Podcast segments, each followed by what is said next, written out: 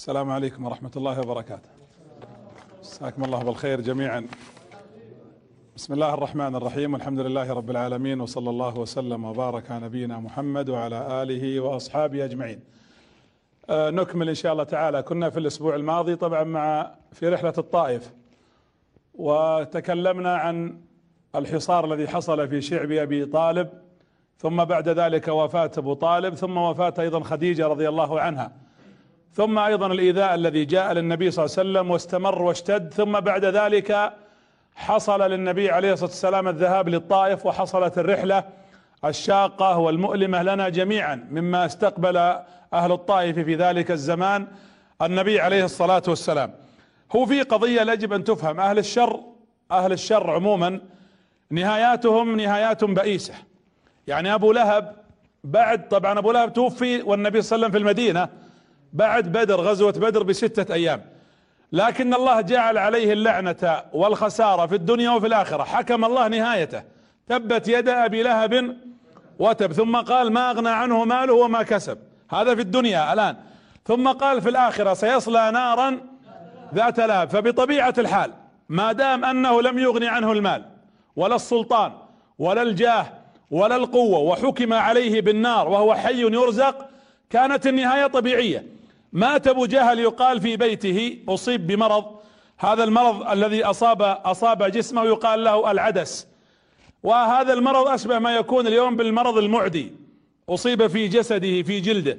حتى قيل أن أبناءه لم يستطيعوا أن يقتربوا منه ولا يمسكونه ولا يلمسونه لأنهم لو اقترب منه اعتدوا. فبالتالي قيل أنهم تركوه في البيت ثلاثة أيام وقيل أكثر من ذلك. حتى خرجت رائحته النتنة ورائحة جثته وتعفن وخاف أهله أن يدخلوا فيمسوه ثم ينتشر فيهم هذا المرض. فقيل أنهم دفعوه بعصا بدأوا يدفونه بعصي حتى سقط في حفرة ثم دفنوه بحجر وتراب أكرمكم الله.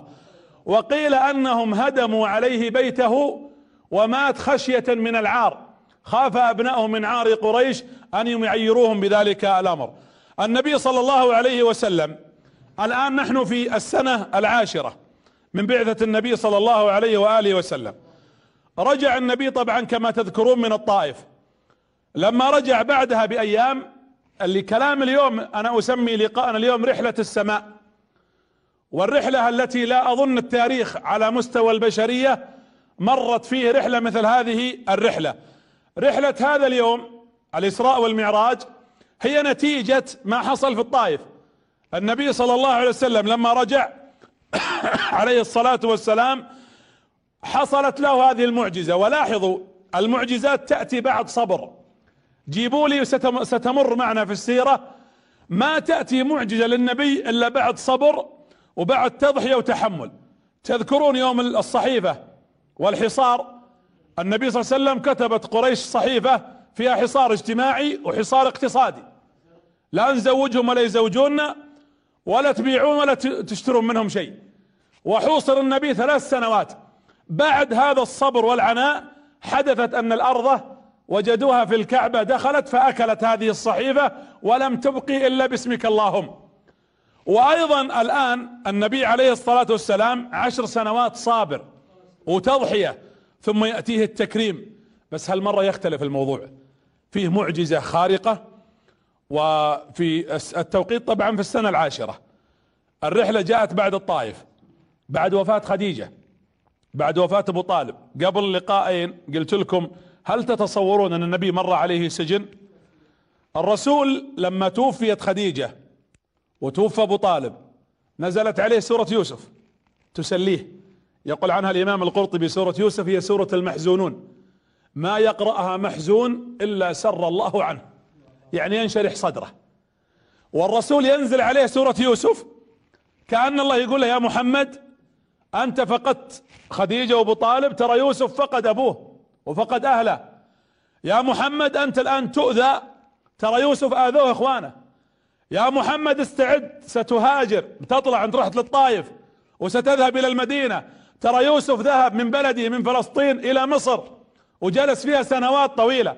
ولذلك النبي لما نزلت عليه السورة بعد العناء الحصار وهو يسمع سورة يوسف عليه السلام والآيات تروي تلك القصة الشيقة الحقيقية الواقعية لما جاء مندوب الملك إلى يوسف قال ارجع إلى ربك فاسأله ما بال النسوة. هنا الرسول إيش قال؟ رحم الله أخي يوسف. لو دعيت إلى الباب لاستبقت إليه.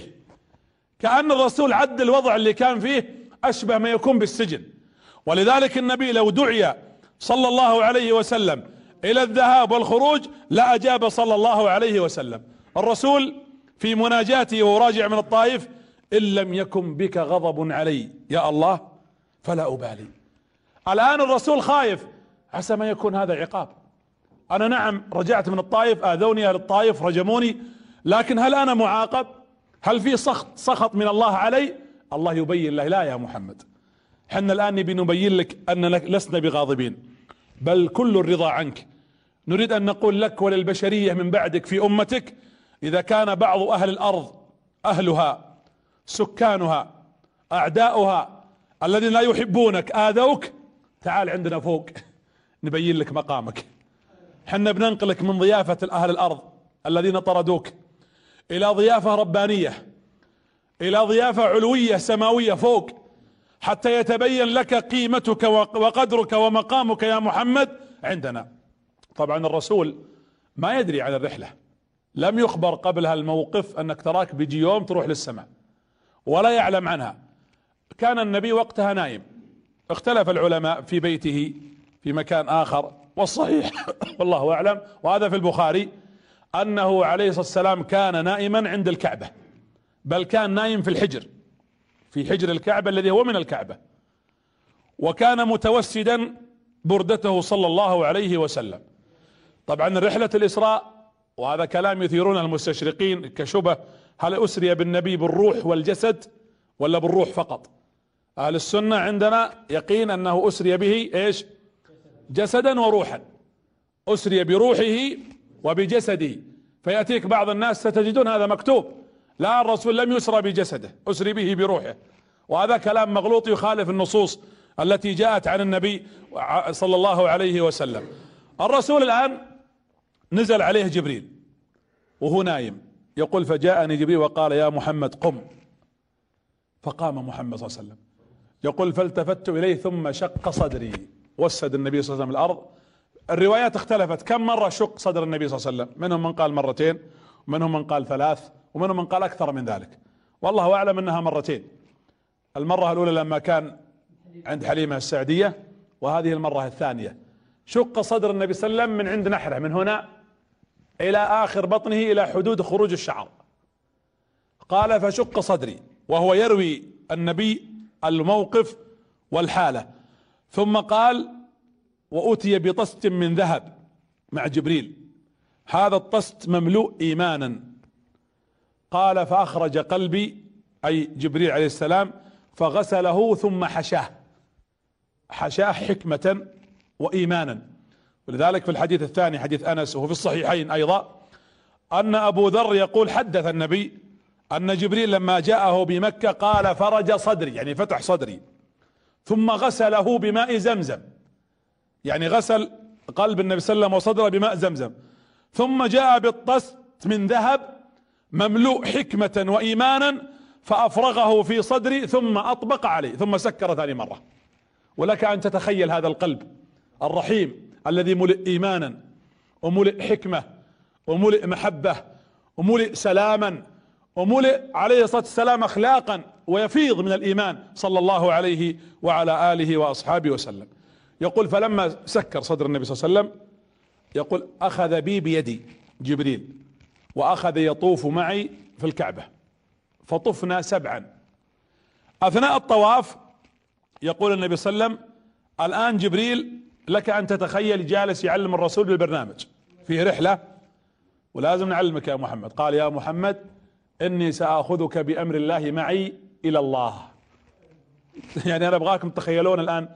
والرسول يتلقى الخبر الآن وكأنه يعطيه برنامج الرحلة وترى الموضوع فيه. لك أن تتخيل أن الرسول بيشوف الآن كيف بوصل إلى إلى هالسماء وكيف سيكون الطريق وكيف ستكون الرحلة. هل سأغيب عن المكة وأختفي سنوات وأرجع بعد ذلك؟ هل أنا سأذهب؟ إلى الآن النبي صلى الله عليه وسلم لا يعرف التفاصيل ودقة هذه هذه الأمور. لكن استعد للقاء الله. يا جماعة استعدوا للقاء الله.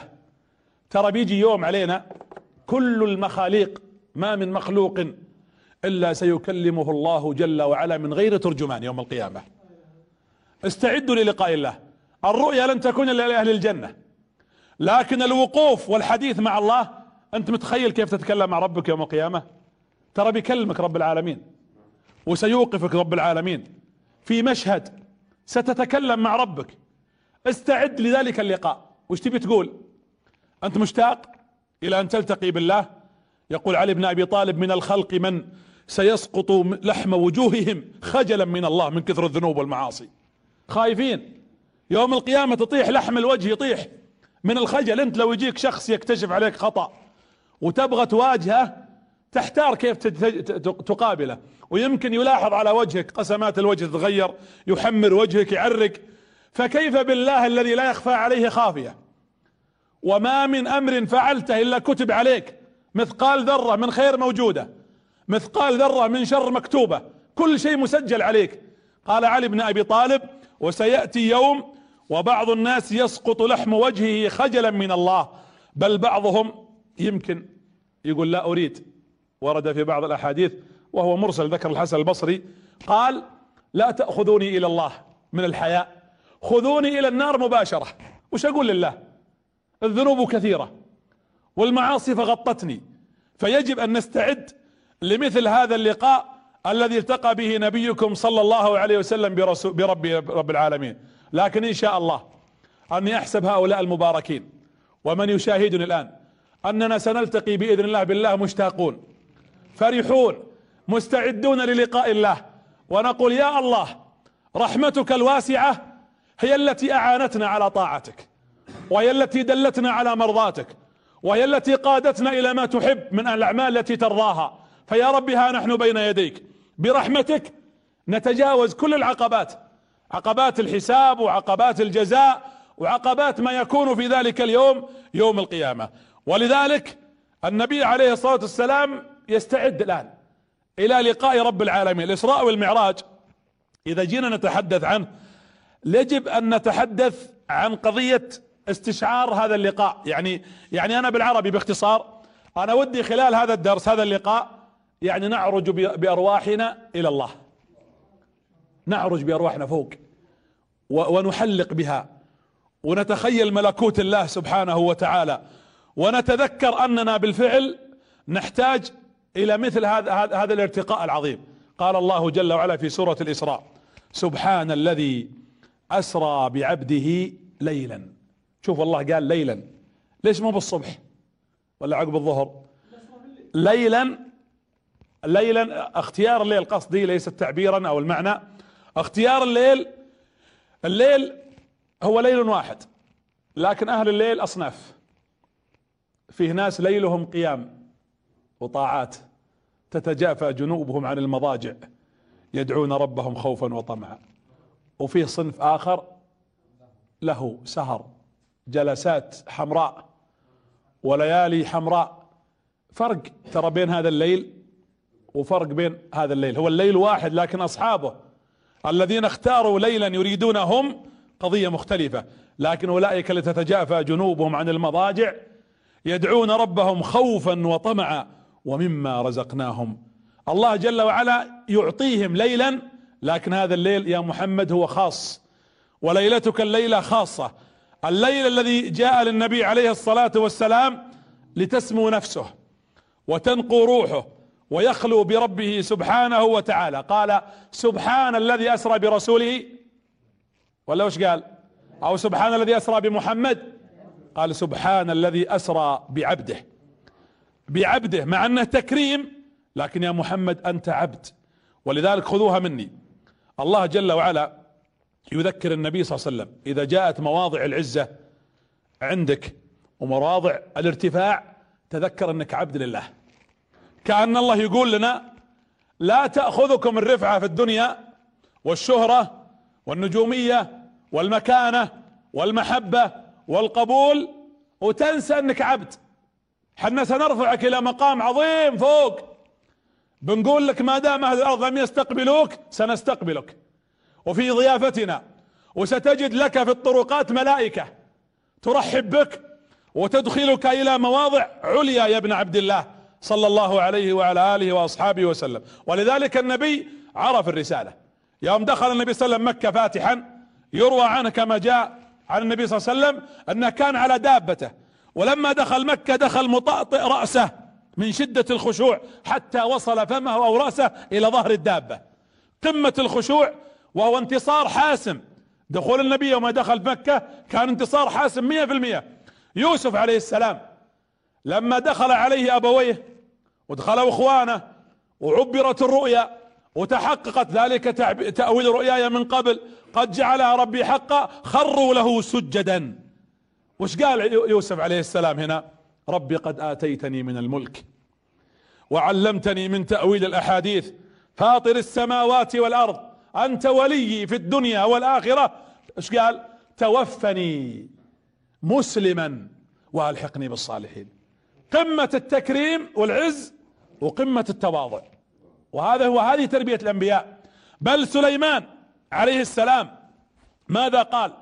قال لما هو يكلم الطير وتتحرك الريح بأمره ويعرف منطق الطير وكلم النملة. وش قال لما شاف هالمناظر وهالقوة اللي أعطاها الله رب العالمين؟ قال ربي أوزعني أن أشكر نعمتك التي أنعمت علي وعلى والدي.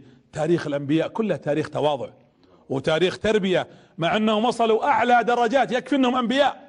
درجة الرسالة والنبوة ومقامها مقام عظيم. لكن انظروا التواضع. بخلاف قارون أعطاه الله ماله وكان فقير.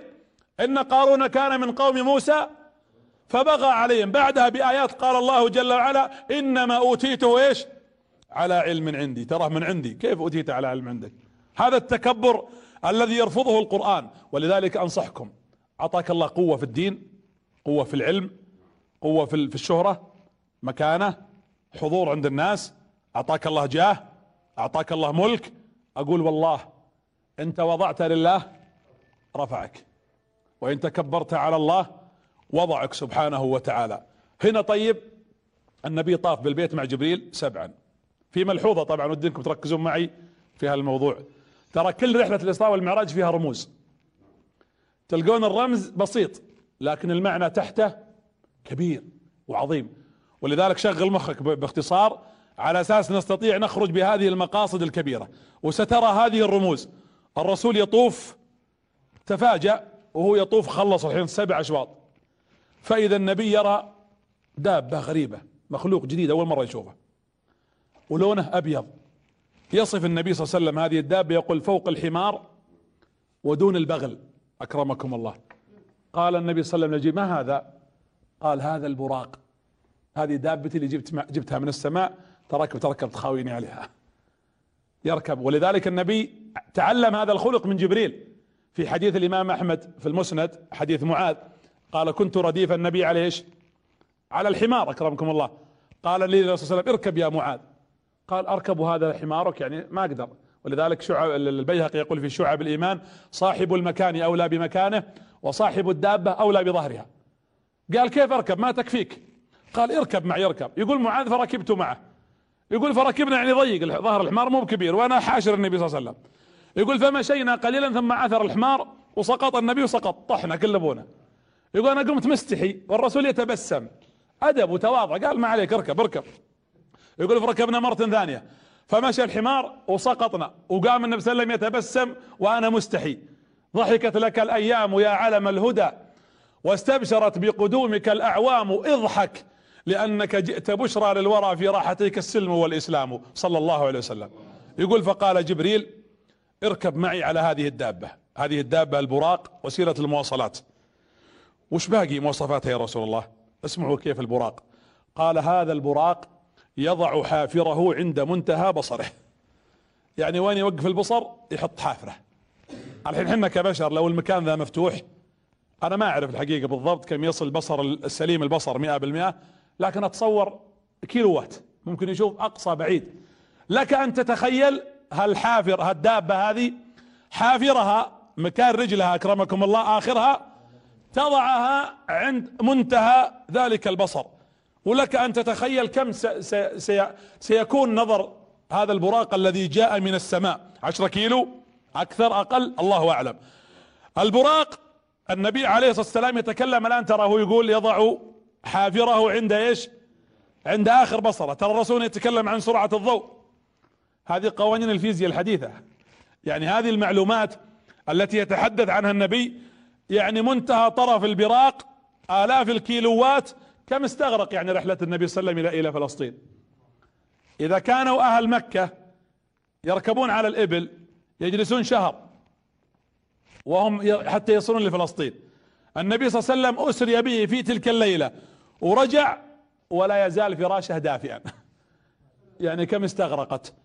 الصحابة سمعوا القصة من النبي صلى الله عليه وسلم طبعا لك أن تتخيل وصدقوها إحنا الآن عندنا طيارة وعندنا صاروخ ويمكن العقد المجرد لولا أنه كتاب منزل قرآن نص شرعي العقل المجرد لا يصدقها.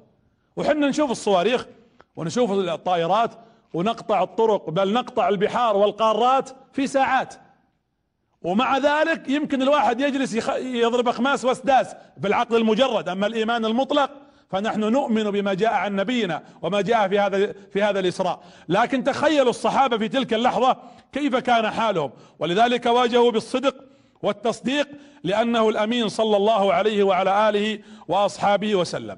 طبعا هنا الله سبحانه وتعالى يخبر.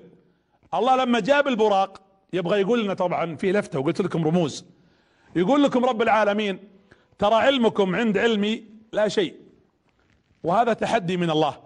كأنه يقول شوفوا البراق أنا أعرف أنتم يا أمة محمد بتكبرون وتتعلمون وبيصير عندكم صاروخ وسيارة وطيارة وعندكم سرعة وعندكم قنوات فضائية وعندكم أقمار وعندكم اتصالات لابد أخبركم أتحداكم لأن علمي يسبق علمكم وترى علمكم عند علم الله مع علماء الفيزياء وعلماء الكيمياء وعلماء البشر وعلماء البحار وعلماء الفلك. كل هذه العلوم عند علم الله ذرة جل في علاه.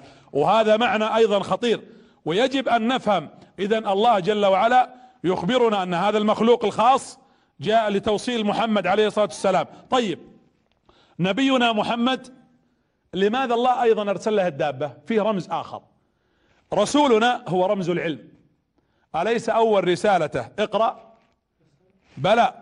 ولا بد مهما يا محمد بلغتم من العلم وسبقتم في العلوم تعرفون أن علومكم عند علم الله جل وعلا لا شيء فهو الله مالك الملك سبحانه وتعالى.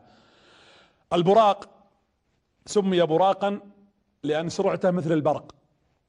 وأنا أقول لكم الآن النبي صلى الله عليه وسلم وهو يركب على هذه الدابة البراق ومعه جبريل عليه السلام. يركبون مع بعض. يقول اسمعوا اسمعوا النص الحديث. يقول النبي فركب جبريل فركبت. والله لا يفوتني ولا أفوته. يعني أنا مراقبة وهو يطالعني. أنا استنبط رأي اجتهاد. أن النبي يفخر بهذه الصحبة. يفخر بقربة من جبريل. وإني أتابعه. أبسأل عيالي وشبابنا وبناتنا من صاحبك؟ من صاحبتك؟ باختصار هو قالوها قديما الحكمة قل لي من تصاحب. أقول لك من أنا أقول قل لي من تصاحب أنا أقول لك أنت بتتوب ولا ما تتوب. قل لي من صاحبك أنا أقول لك أنت بتصلي ولا لا. قل لي من صاحبك أنا أقول أنت بار ولا غير بار. قولي لي من تحدثين بالهاتف من صديقاتك أخبرك أنت صح ولا خطأ. لأن الصاحب ساحب كما يقال. والنبي صلى الله عليه وسلم يقول جبريل لا يفوتني ولا أفوته. ويركب النبي صلى الله عليه وسلم ويتعلم عليه الصلاة والسلام أيضا هذه السرعة الخطيرة التي يأخذها هذا البراق ويمشي بجبريل وبالنبي صلى الله عليه وعلى آله وأصحابه وسلم. والمناسبة لما نتكلم عن الأصحاب والصحبة ترى يمكن بعض اللي يشاهدون الآن كبار سن ولا حريم كبيرات تقول أنا ماني المقصود المقصود الشباب. لا والله إني أعرف رجال كبار. وعندهم أبناء وضاعوا بسبب صحبتهم. لا يغتر الواحد. وذكرنا إحنا في السيرة اللي رد عقبة بن أبي معيط عن الإسلام من؟ أبو جهل. هو الذي رده. ولذلك العاقل أبو طالب. أبو طالب النبي يقول له قل لا إله إلا الله. ويوقف على رأسه أبو لهب وأبو جهل وأبو سفيان. ويمنعونه أن يقول هذه الكلمة. يعني يحاولون يقنعونه. لا تقول أنا كبير أو أنا امرأة كبيرة لست مق... لا أنت معني.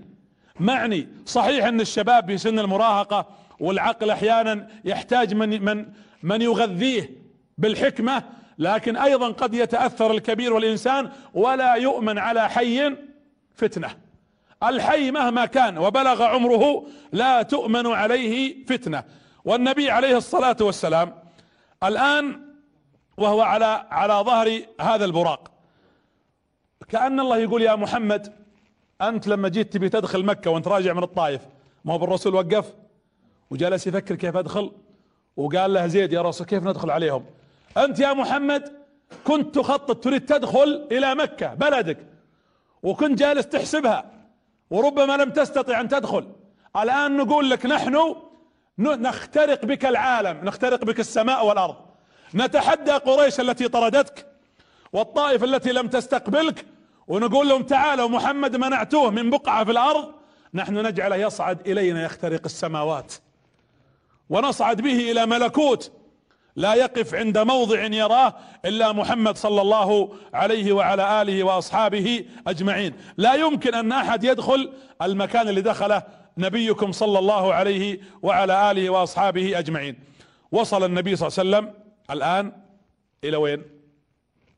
إلى الأقصى. وصل عند فلسطين. انتبهوا فيه رمز ودي أقوله لكم. جبريل نزل. أول ما نزل جبريل من على البراق نزل النبي صلى الله عليه وسلم.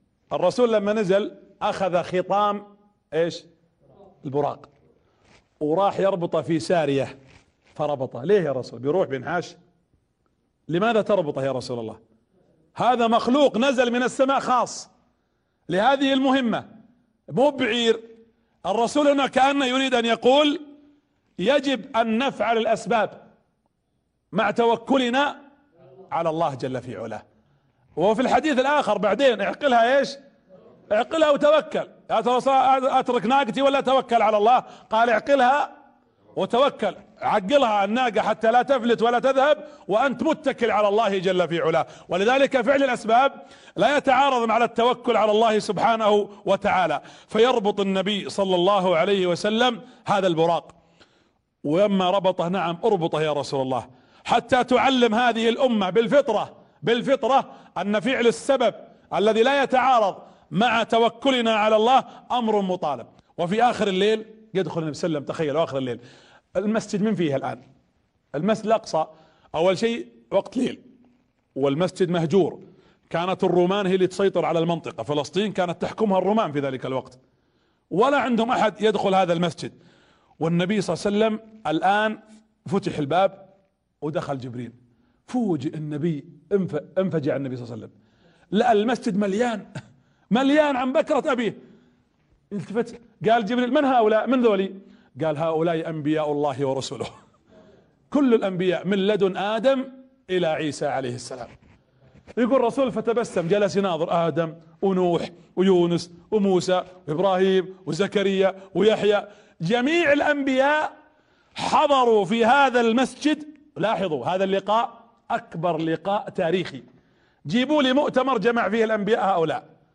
هذا اللقاء النبوي الكريم الذي اجتمع فيه أنبياء الله ورسله في هذا المكان. والله ما سمعت الأمة. اجتماع في التاريخ مثل هذا الاجتماع العظيم. أتحدى. احكوا لنا. اعطونا قصوا علينا. بس هذا الاجتماع له معاني خطيرة. كأن الله يقول هنا في وحدة بشرية. رغم سلسلة التاريخ المتتابعة لكنهم يجتمعون على توحيد من؟ على توحيد الله. كأن الله يقول يا محمد آدم بعث ليقول للناس قولوا لا إله إلا الله. ونوح بعث ليقول للناس قولوا لا إله إلا الله. ويوسف بعث حتى يقول قولوا للناس لا إله إلا الله. كأننا نجتمع على كلمة لا إله إلا الله. وأيضا نحترم حقوق البشرية بيننا البعض. حقوق الإنسان التي يطالب اليوم بها هؤلاء الكفار أو الغرب هي حقوق شكلية. ديننا دين الإسلام اليوم بسألكم سؤال. العالم كم فيه من حروب؟ وكم فيه من تمزق؟ كم فيه من كمية كره؟ كم فيه من دماء تزهق على مستوى الإنسانية؟ على مستوى العالم. عد واغلط ضغينة. في آسيا في أفريقيا كل العالم فيه دماء وفيه كراهية. نحن نعتز بإسلامنا لأن إسلامنا قال الله لا نفرق بين أحد من رسله. وقالوا سمعنا وأطعنا. غفرانك ربنا وإليك المصير. نعم فيه ولاء. وفيه براء ونحن نحن هنا لا نتقارب لكن نتعايش. نحن عندنا حدود شرعية لكن في النهاية طابع ذلك أن في حقوق عامة مشتركة. يجب أن نفعل مثل هذا الموقف لأن كثير من يدعون إلى التعايش والحضارات ويدعون إلى كثير من التفاهم هم لا يعرفون يتوقعون ديننا دين تصادم. نقول لهم يا جماعة ديننا مو بدين تصادم. بدليل الإسراء والمعراج. ديننا دين النبي التقى بالأنبياء. وراء الأنبياء كلهم من لدن آدم إلى عيسى عليهم السلام جميعا. سؤال الرسول مو برحلته للسماء ولا لا؟ جاوب صح ولا لا؟ عندنا إحنا إسراء وإيش؟ ومعراج. طيب لماذا الله جل وعلا أول شيء ابى أسأل سؤال قبل ليش الأنبياء هذول نازلين في الأرض؟ ما بالرسول بيشوفهم في السماء؟ طيب ليش جو؟ ليش نزلوا في الأرض؟ النبي صلى الله عليه وسلم هذا أحد لكن فيه رمز أهم فيه شيء أعظم. طيب انت الآن بترقى في السماء وبتشوف الأنبياء. ليش نازلين ينتظرونك؟ فيه رمز أنا أعتبره خطير. هو معناته تسليم راية وقيادة البشرية. حنا يا محمد نسلمك الراية. نعطيك مهمة قيادة الأمة. نعطيك مهمة مسؤولية الأرض. يا محمد لك الأرض تأخذها برأيتها وتستلم أنت قيادة الأرض. تخيلوا هذا المعنى الكبير. هذا جدا ترى معنى حساس. معنى خطير. النبي عليه الصلاة والسلام يسمع هذا الكلام يعني كأن نقول يا أهل السودان يا أهل الشام يا أهل اليمن يا أهل العراق يا أهل الجزيرة عموما يا مسلمون في أندونيسيا يا مسلمون في أمريكا يا أوروبا يا كل من آمن. تعالوا. ترى هنا قيادة البشرية استلمها محمد صلى الله عليه وسلم. ليش حنا عالة على الأرض؟ الأرض كم عدد المسلمين فيها؟ مليار ونصف المليار يعني عشرين في المية تقريبا من سكان الأرض وثمانين في المية غير مسلمين. طيب ليش يشوفوننا هم الثمانين في المية؟ أن العشرين في المية عالة على العالم عالة على التكنولوجيا والحساب والثقافة والفلسفة والنظريات الحديثة. العشرين في المية عالة على الثمانين في المية يعقل في لحظة الرسول يسلم الراية الراية لقيادة البشرية. حنا في نظر كثير من الثمانين بالمئة أننا هؤلاء عالة علينا. تدرون ليش؟ لأننا ما في إضافة. ما عندنا إضافة. ولذلك يقول لا تتكلم اسكت. ليش؟ ما عندك إضافة أنت عالة. قرقرة على الفاضي. حنا لنا 200 سنة وحنا نرزح في في تاريخ الإهانة في تاريخ التبعية. ورا ورا ورا. كنا في مقدمة الصفوف. كنا أمة تقود الأمم. واليوم ما لنا قيمة. ولذلك هم يريدون يخرجوننا أمام الناس والعالم أننا مخربين. لا والله. والله لسنا بمخربون لسنا بمخربين. نحن أمة مصلحة أمة بعث نبينا للإصلاح للانفتاح على الدنيا كلها. ولذلك يجب أن نضيف يجب أن نقول نحن تحت هذه الراية العظيمة. تقول الأنبياء لمحمد يا محمد خذ الراية. هذا المعنى. استلهموا أيها الأحبة. لا وليس هذا فقط. بل سيدنا النبي صلى الله عليه وسلم عليه الصلاة والسلام يدخل ويتلفت. ويشوف إسماعيل جدة وإبراهيم عليه السلام ثم صفت الأنبياء صف كما تصفون صف الصلاة صف على اليمين وصف على اليسار. فإذا بجبريل يتقدم ثم يرجع الأنبياء ويصفون صف ورا صف ورا صف ورا صف. الآن يبون يصلوا ركعتين. ولاحظتوا شوفوا موضوع الصلاة يا جماعة. والله العظيم إننا والله الذي لا إله غيره الذي لا يعرف قيمة الصلاة بعيد عن الله. والله الذي لا يعرف الصلاة بعيد عن معرفة الخلق وحكمة الله لخلق الأمة. الأنبياء واقفين بيصلون. آدم إبراهيم نوح عيسى موسى يونس جميع الرسل. والرسول صلى الله عليه وسلم واقف وجبريل فإذا برسولكم عليه الصلاة والسلام يقدمه جبريل في المحراب ليصلي إماما بكل الأنبياء. شرف إمامة رسولكم يا جماعة. احمدوا الله الذي شرف هذه الأمة. احمد الله انك من امة محمد. ابن عبد الله صلى الله عليه وسلم. الرسول هنا يصلي صلاة ركعتين. هذه الصلاة تشريف ولا تكليف؟ كلها تشريف وتكليف. هي تشريف لأمتنا ولمحمد عليه الصلاة والسلام أن يصلي بالأنبياء ووراهم جبريل معهم. وتكليف أنك يا محمد حملت راية الأرض وأنت مسؤول عنها. كأن المعنى يقول نوح محمد. خذ راية الأرض وحافظ عليها أمتك موسى خذ يا محمد راية الأرض. عيسى وسلمت الراية لرسولكم صلى الله عليه وسلم. لازم نفهم المعنى للإسراء والمعراج. ليست قصة الإسراء والمعراج إنها سوالف. هي معجزة قصة نرويها للتاريخ مؤمنون بها لكن معانيها كبيرة. أنت ماسك الراية. ليست في يدك فقط يا محمد بل منك وإلى أمتك من بعدك. هو يصلي الآن. الله أكبر. والأنبياء خلف النبي صلى الله عليه وسلم يصلون في المسجد الأقصى. والنبي عليه الصلاة والسلام يختار ويصلي بهم ويجتمعون عليه. طيب سؤال ليش الاجتماع صار في المسجد الأقصى؟ لو قلت لواحد منكم لو الموضوع بيدك تختار موقع يجتمعون فيه الأنبياء وين تختار؟ مكة. طيب ليش الله جل وعلا اختار الأقصى؟ سؤال هل ما فيه طريق للسماء إلا عن طريق المدينة عن طريق فلسطين الله قادر يعرج بمحمد من الكعبة مباشرة صح ولا لا؟ ونفس الشيء في الرجعة. لما نزل النبي من السماء ما راح المكة نزل للمسجد الأقصى وركب البراق ثم رجع. ليش؟ لا في في معنى في معنى أكبر. تفضل يا شيخ.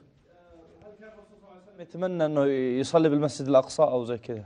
لا هو هو المعنى هو المعنى أنه لا يمكن أن يكون فيه طريق إلى السماء إلا عن طريق المسجد الأقصى. بمعنى أن المسجد الأقصى جزء من هذه الأمة وهذا اللي ودي أقوله أنا الآن.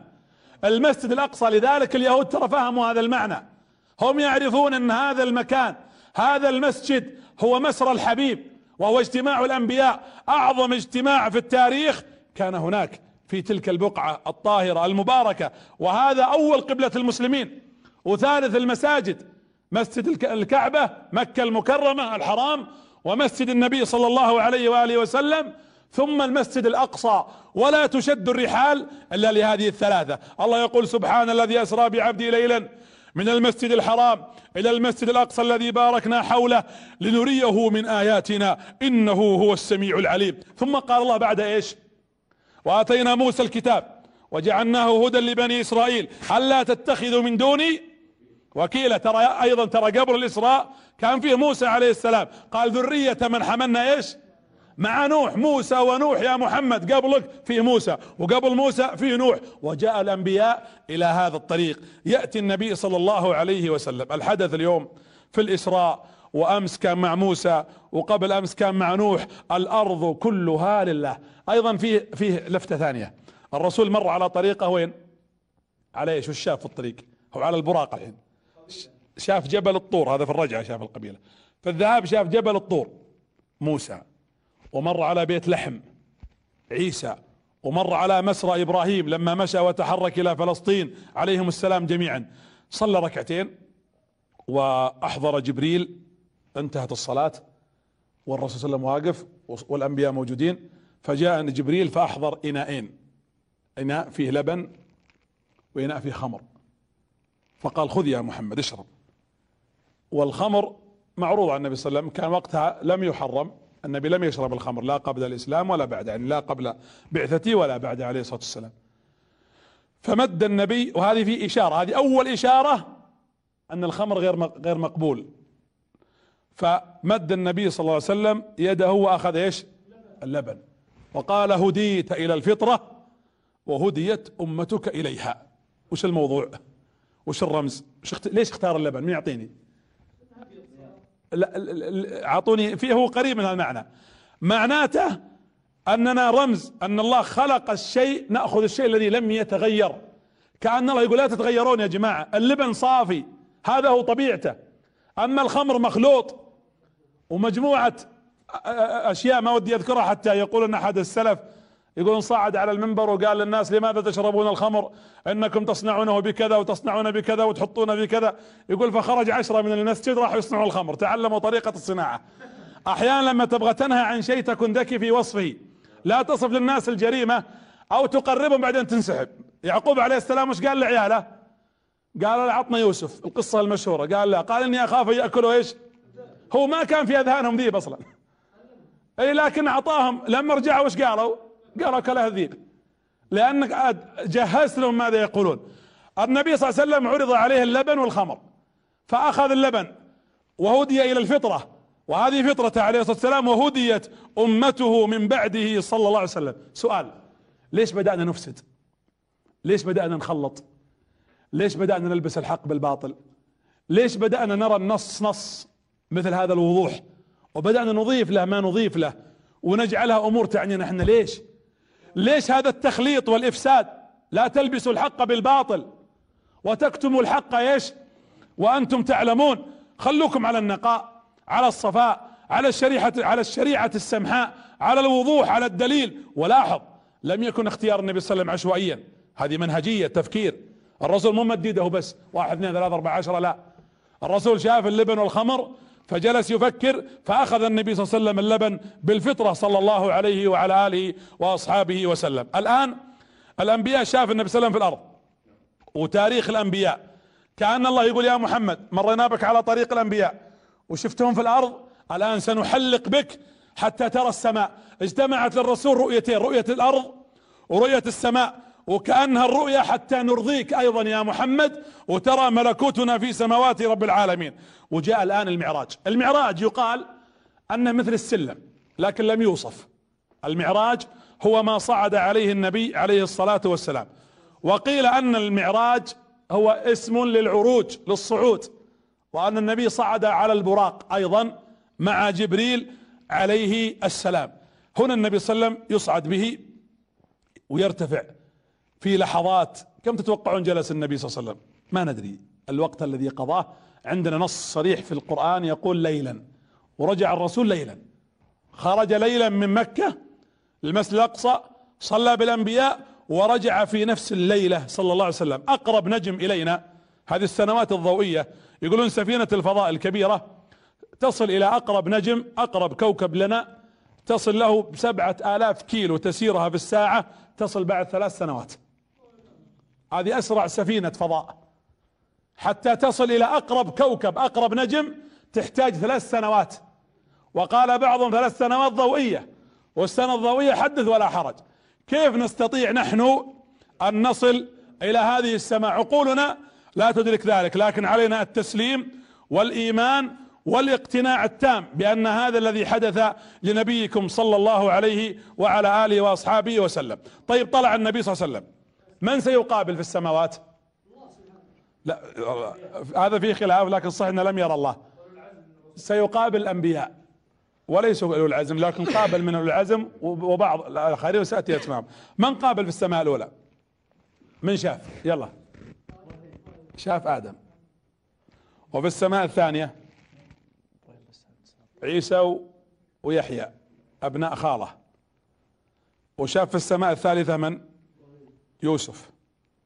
وفي السماء الرابعة إدريس. السماء الخامسة هارون. السماء السادسة موسى, موسى. السماء السابعة إبراهيم. إبراهيم. طيب سؤال. ليش بس هالأنبياء اللي شافهم في في الرحلة هذه في السماء؟ ليش ما شاف بقية الأنبياء؟ من يعطيني؟ اختار الله هؤلاء الأنبياء لثلاثة أسباب. نعم هذه واحدة منها. ان أن هؤلاء الأنبياء هم من الأنبياء الذين أرسلوا بناء مجتمعات ليس فقط لتبليغ رسالة. في أنبياء بلغوا رسالة لكن الرسول بلغ رسالة وبنى مجتمعا. والرسول مهيأ الآن إيش؟ وين يروح؟ للمدينة. اثنين مثل ما تفضل الشيخ أنهم أكثر من أوذي من الأنبياء. موسى عليه السلام اذاه فرعون واذاه بني إسرائيل. وأيضا من ويوسف عليه السلام كذلك. وإدريس ومنهم من قتل يحيى وزكريا يحيى قتل. ولذلك النبي عليه الصلاة والسلام يرى هؤلاء الأنبياء الله يختار لرسوله ما يناسبك في تاريخك يا محمد. من باب التثبيت لأن الحكمة من الحكمة من من الإسراء والمعراج. شو؟ تثبيت الرسول. تثبيت النبي صلى الله عليه وسلم. واخباره أنك يا محمد لك قيمتك عندنا.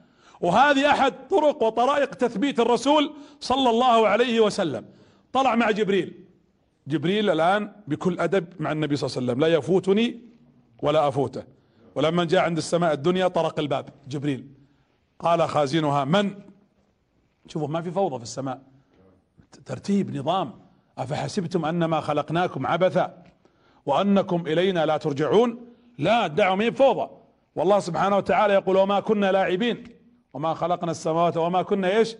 لاعبين. ما خلقناكم. إحنا عبث ولعب. إحنا خالقينكم بحكمة حكمة وبنظام ونعرف خلقنا. طرق جبريل الباب. من؟ جبريل. من معك؟ محمد. أبو عث. هو أرسل ولا توه؟ قال لي أرسل محمد. قال له أذن لي أن أفتح. أنا عندي اسم محمد من ضمن اللي يدخلون من هذا المكان. ثم فتح الباب. فإذا بالنبي صلى الله عليه وآله وسلم الآن يدخل النبي صلى الله عليه وسلم وأول ما دخل يناظر فإذا برجل على يمينه ظلة سوداء وعلى يساره ظلة سوداء. إذا التفت يمين ضحك وإذا التفت يسار بكى. قال من هذا يا جبريل؟ قال هذا أبوك آدم. الرسول يصف آدم يقول طوله ستين ذراعا. عليه السلام. يقول فلما رآني أمرني جبريل يتقدم فتقدمت فسلمت عليه. فلما رآه جبريل آه، آدم رأى النبي صلى الله عليه وآله وسلم سلم عليه وقال مرحبا بالولد الصالح والنبي الصالح والعبد الصالح. مرحبا بالنبي الصالح والولد الصالح والعبد الصالح. وقال له جبريل لماذا يضحك إذا التفت يمين وشاف الغمامة هذه؟ وليش يبكي؟ قال يلتفت على يمينه فيرى ابناءه الذين آمنوا ودخلوا الجنة من أبناء آدم ذريته من جميع الأمم. ويلتفت يسار ويرى الذين عصوا الله ودخلوا النار فيبكي عليهم. كأن آدم يبكي على إيش؟ يقول أنتم ما استفدتم من تجربتي. أنا الشيطان لعب علي. دخلني ربي الجنة وتنعمت فيها أنا وزوجتي حواء. وقال كل من كل ما شئت الا هالشجرة احذر أن تقربها. فوسوس علي وألح وقاسمني فقاسمهما. وش معنى قاسمهما؟ يعني أقسم الشيطان والله العظيم أقسم أن هذا حق كل منها قاسمهما أني لكما لمن الناصحين. الشيطان يحلف. آدم ما استفاد. يقول هذه تجربتي. أنا لعب عليه الشيطان. أنتم يا أبنائي من باب أولى يلعب عليكم. ترى الشيطان يلعب علينا كما ضحك على وسوس على آدم. لكن بطرق مختلفة. هذا يوسوس له فيقع في زنا وهذا يوسوس له فيقع في خمور وهذا يوسوس له فيقع في سرقة وهذا يقع في جناية وهذا يقع في حرام وعقوق و و و. احذروا. استفيدوا من هذه التجربة حتى لا يذهب الأمر ثم بعد ذلك تبكون وتندمون وحينها لا ينفع الندم. الله ترى سيكتبك. الآن اسمك مكتوب. ما تدري اسمك مكتوب مع أهل الجنة ولا لا؟ ولذلك كان يروى أن أحد السلف كان يبكي فيقول يا رب اللهم إنك أنت الواحد الذي تعلم أهل الجنة وتعلم أهل النار فهل كتبت عبدك من اي من أهل الجنة أو لا؟ هل الله سجل اسمك فلان ابن فلان؟ أنت من أهل الجنة؟ اللهم اكتبنا من أهل الجنة يا رب العالمين. كل من حضر ومن يشاهدنا رجالا ونساء وكل المؤمنين والمؤمنات والمسلمين والمسلمات. هذه فرصة أن المؤمن يتعلم. شوفوا النبي صلى الله عليه وسلم الآن أيضا لا يزال عليه الصلاة والسلام يطلع ثم عليه الصلاة والسلام يصعد. فلما رقى السماء الثانية رأى عيسى. يقول رأيت عيسى ويحيى شابين في الجنة. رأيت عيسى ولونه أحمر يعني خدوده حمراء من جماله عليه الصلاة والسلام. ليس بالطويل ولا بالقصير كثير الخيلان. الخيلان اللي حبة الخال.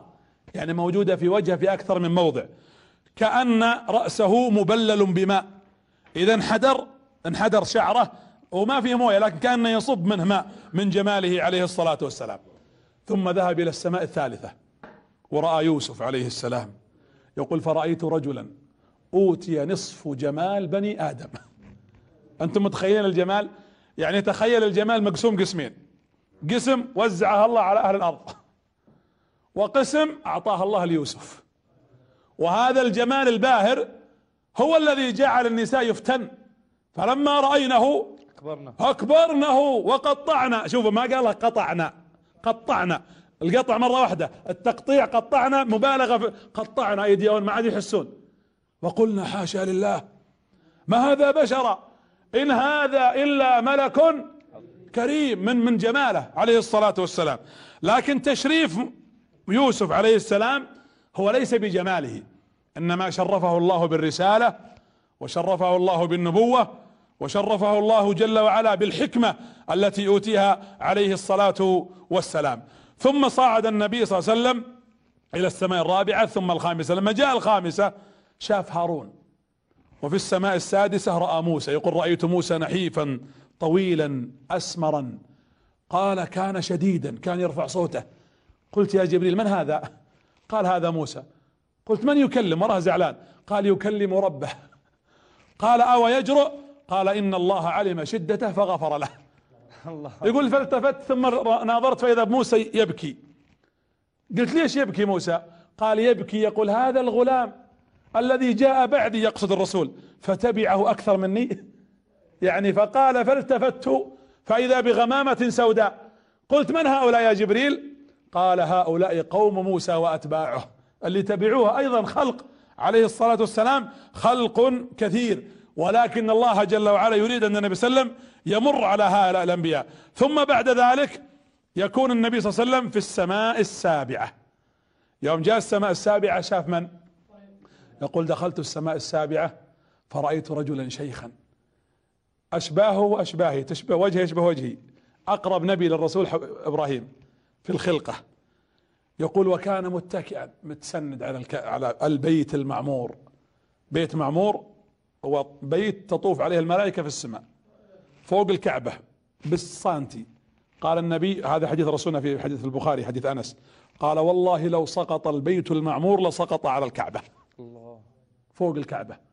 وهو في السماء. يقول فلما رأيت إبراهيم ينظر الآن النبي صلى الله عليه وسلم زاد الله مكة تشريفا ومهابة يا رب العالمين. الآن اللي يشوف الكعبة أنا جالس أتخيل النبي صلى الله عليه وسلم وهو جالس يناظر. شوفوا إبراهيم لقاه وين؟ فيه عند البيت المعمور. والله أن ربنا عادل. الجزاء من جنس العمل. من اللي رفع قواعد الكعبة؟ إبراهيم. وكأن الله يقول جزاءك يا إبراهيم أنت ترتاح فوق. عند عند أسوار أو عند حيطان البيت المعمور كما بنيت الكعبة. ولاحظوا مستريح. لأن الله كأن الله يقول تعبناك وانت تبني الكعبة الحجر الثقيل الأسود. ترى راحتك عندنا في الجنة. تبغون الراحة فوق؟ اتعبوا هنا.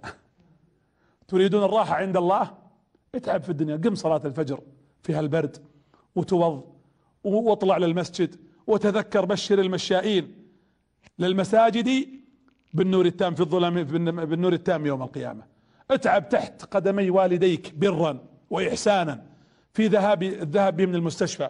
اتعب في صلة رحمك. اتعب في زيارة مريض له حق عليك. اتعب في تربية أبنائك وتلطفك مع أسرتك وزوجك وأهلك. اتعب عشان ترتاح. بس راحتك في الجنة. ترى الراحة مين في الدنيا. اللي يتصور إن الراحة هنا غلطان ما فهم الحياة. الله جل وعلا خلقنا عشان نبني ونتعب ونخلف ونشتغل. ما ما بني ما جاءنا هنا الله سبحانه وتعالى إنك كادح إلى ربك إيش؟ كدحا كدح كدح فملاقيه. الدعوة مين سوالف. الدعوة تحتاج إلى تعب. يقول الإمام أحمد أو غيره من أهل العلم قال الراحة متى؟ قال عند أول قدم تضعها في الجنة. لما تدخل رجلك في الجنة تدخل باب الجنة ستكون الراحة. أما الذي يبحث هنا في الراحة في الدنيا فهذا لا يمكن. يقول فنظرت إليه فابتسم في وجهي عليه الصلاة والسلام. جدنا إبراهيم. عشان كذا إحنا في كل فرض. اللهم صل على محمد وعلى آل محمد كما صليت على إبراهيم وعلى آل نحبه. هو معنا. ولذلك نحن نحب الأنبياء كلهم. لكن إبراهيم يربطنا به علاقة خاصة في ارتباط جد النبي صلى الله عليه وسلم إسماعيل جد النبي. ثم يدخل فسلم عليه. قال مرحبا بالنبي الصالح والعبد الصالح والولد الصالح. ويتبسم في وجهه وهو وهو متكئ على الكعبة. ثم اسمعوا ماذا قال. يا جماعة الإقبال على الله هو كل الراحة في الدنيا وفي الآخرة. لازم تصلح ما بينك وبين الله حتى تشعر إن الموضوع بدأت تقترب من الله. قال إني لا ابلغ يا محمد أمتك مني السلام. عليك السلام يا إبراهيم. والله لقد بلغنا حبيبنا سلامك وبلغنا رسالتك. وبلغنا وصيتك. وقال أوصهم. وش يوصيهم؟ يوصيكم الآن بوصية من تمسك بها وعمل بها وحرص على أدائها انه سيلقى نعمة من نعم الدنيا والآخرة. بماذا توصينا؟ توصينا يا إبراهيم. قال إن الجنة طيبة التربة عذبة الماء وإن غراسها سبحان الله. والحمد لله ولا إله إلا الله والله أكبر. هذه وصية إبراهيم. يا جماعة هذه وصية أبوكم إبراهيم. وصية سماوية. جاءتنا على لسان النبي. سبحان الله والحمد لله ولا إله إلا الله. يقول النبي صلى الله عليه وسلم وهو يتلقى هذه الوصية من إبراهيم عليه السلام أنك تزرع بها نخلة في الجنة. هي غراس الجنة. وش رايكم نطبق هالوصية؟ ما هي بدعوة للدعاء الجماعي. لكن قولوا خلنا نكسب أجركم. قولوا لا إله سبحان الله. والحمد لله. ولا إله إلا الله. والله أكبر. أبشروا فقد غرستم الآن نخلة في الجنة. وهذه وصية حبيبكم. رددوها يا مشاهدين ومشاهدات ونساء وأخوات. وش ورانا؟ طول ما انت جالس الآن تشاهد؟ سبحان الله الحمد لله لا إله إلا الله أكبر سبحان الله والحمد لله لا إله إلا الله والله أكبر. اغرسوا يا جماعة اغرس غراس عشان يوم القيامة ترى تلك الجنان العظيمة وتعيش الراحة الراحة الكبيرة يا جماعة الراحة في ذكر الله ألا بذكر الله؟ تطمئن القلوب. الذي لا يعرف طاعة ولا ذكرا ميت هل كان ضايع تعبان قلق طفشان ولذلك الله يقول سبحانه وتعالى ومن أعرض عن ذكري فإن له معيشة ضنكا. ضنك. ونحشره يوم القيامة اعمى قل لا إله إلا الله. طلعها من قلبك يا أخي. استشعرها. قل سبحان الله. سبحان الله. تنزه الله. سبحان الله. سبحان الله. كأن محمد يقول إبراهيم يقول لمحمد يا محمد ترى هذا الملكوت شوف ملكوت رب العالمين فقل سبحان صاحب هذا الملكوت. ترى الآن المقام اللي أنت فيه قل الحمد لله على هذا المقام والرفعة التي رفعك الله بها ورفعنا لك ذكرك. وقل لا إله إلا الله توحيدا وإخلاصا في السماء وفي الأرض. والله أكبر. عند خلقه وعظمته وش حنا عند خلق الله؟ وش أنا وأنت؟ الأرض هذه وش عند خلق الله؟ الكرسي الكرسي الذي يضع الله جل وعلا تعالى الله عن التمثيل والتشبيه والتكييف يضع رجله عليه قال للعرش عرش الرحمن السماوات والأرض وما فيها من جبال وما فيها من مخلوقات وبحار عند عرش الرحمن إلا كحلقة مثل هالخاتم ألقيت في فلاه في صحراء هذا عند الكرسي فقط كيف عرش الرحمن جل في علاه؟ فملكوت الله كبير والنبي صلى الله عليه وسلم يرى يرى هذا الجلال ويرى هذه العظمة صلى الله عليه وعلى آله وأصحابه وسلم. قوموا بهذه الوصية الذي أوصى بها إبراهيم يوصي بها نبينا صلى الله عليه وعلى آله وأصحابه وسلم. الرسول الآن شاف إبراهيم وسمع نصيحته خذ الوصية ودخل الحين مع جيل البيت المعمور. أنتم متخيلين البيت المعمور؟ شوفوا شو يقول الرسول. قال دخلت البيت المعمور فرأيت سبعون ألف ملك. يطوفون كل يوم يذهبون ولا يعودون. متخيلين؟ الحرم الله يشرف هذا البيت العظيم.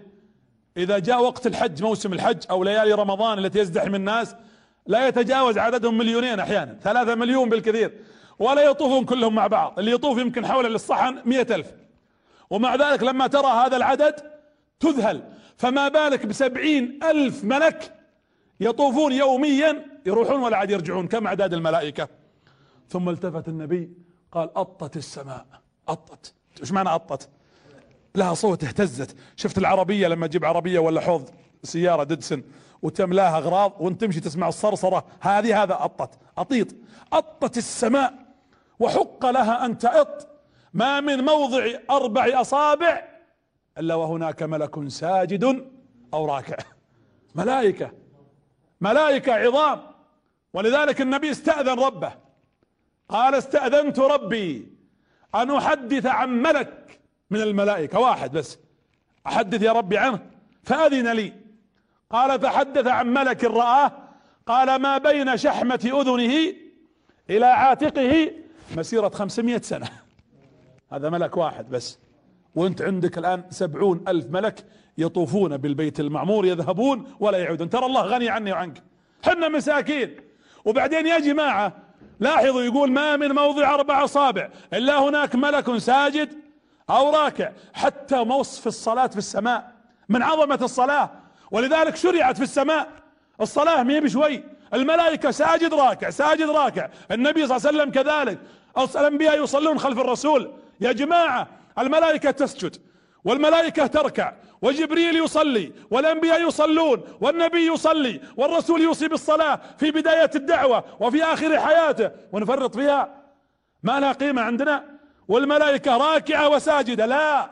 وإذا جاء يوم القيامة ارتفعت الملائكة رفعت رؤوسها. الراكع يرفع من الركوع والساجد يرفع من السجود. شو يقولون؟ سبحانك ما عبدناك حق عبادتك. من يوم خلقوا حتى ماتوا أو حتى بعثوا وهم سجدا وركوعا. ويقولون سبحانك ما عبدناك حق عبادتك. حنا خمس صلوات وتنقص وتفوت تكبيرة الإحرام ويفوت وقتها وبعضنا قد لا يصليها وتفويت ونلعب بحجة الدين يسر وهي رأس المال. رأس مالك الصلاة ضاعت تضيع وحافظت عليها تبقى قيمتك عند الله تبارك وتعالى. النبي صلى الله عليه وسلم يوم شاف هذا الملكوت هانت عليه الدنيا. خلاص. والدنيا ليست لها قيمة عند النبي أصلا. ومع ذلك لما رأى هذا الملكوت أصبحت هذه الدنيا ليس لها عند حبيبكم صلى الله عليه وسلم أي أمر. طيب وقفنا يا محمد. لا باقي في مكان تبي تطلع الآن. ويطلع النبي صلى الله عليه وسلم. شوفوا الآن. وهو يصعد النبي صلى الله عليه وسلم شم رائحة. رائحة جميلة منتشرة في السماوات. ألتفت على جبريل قال ما هذه الرائحة يا جبريل؟ الجميلة التي تملأ السماء والأرض.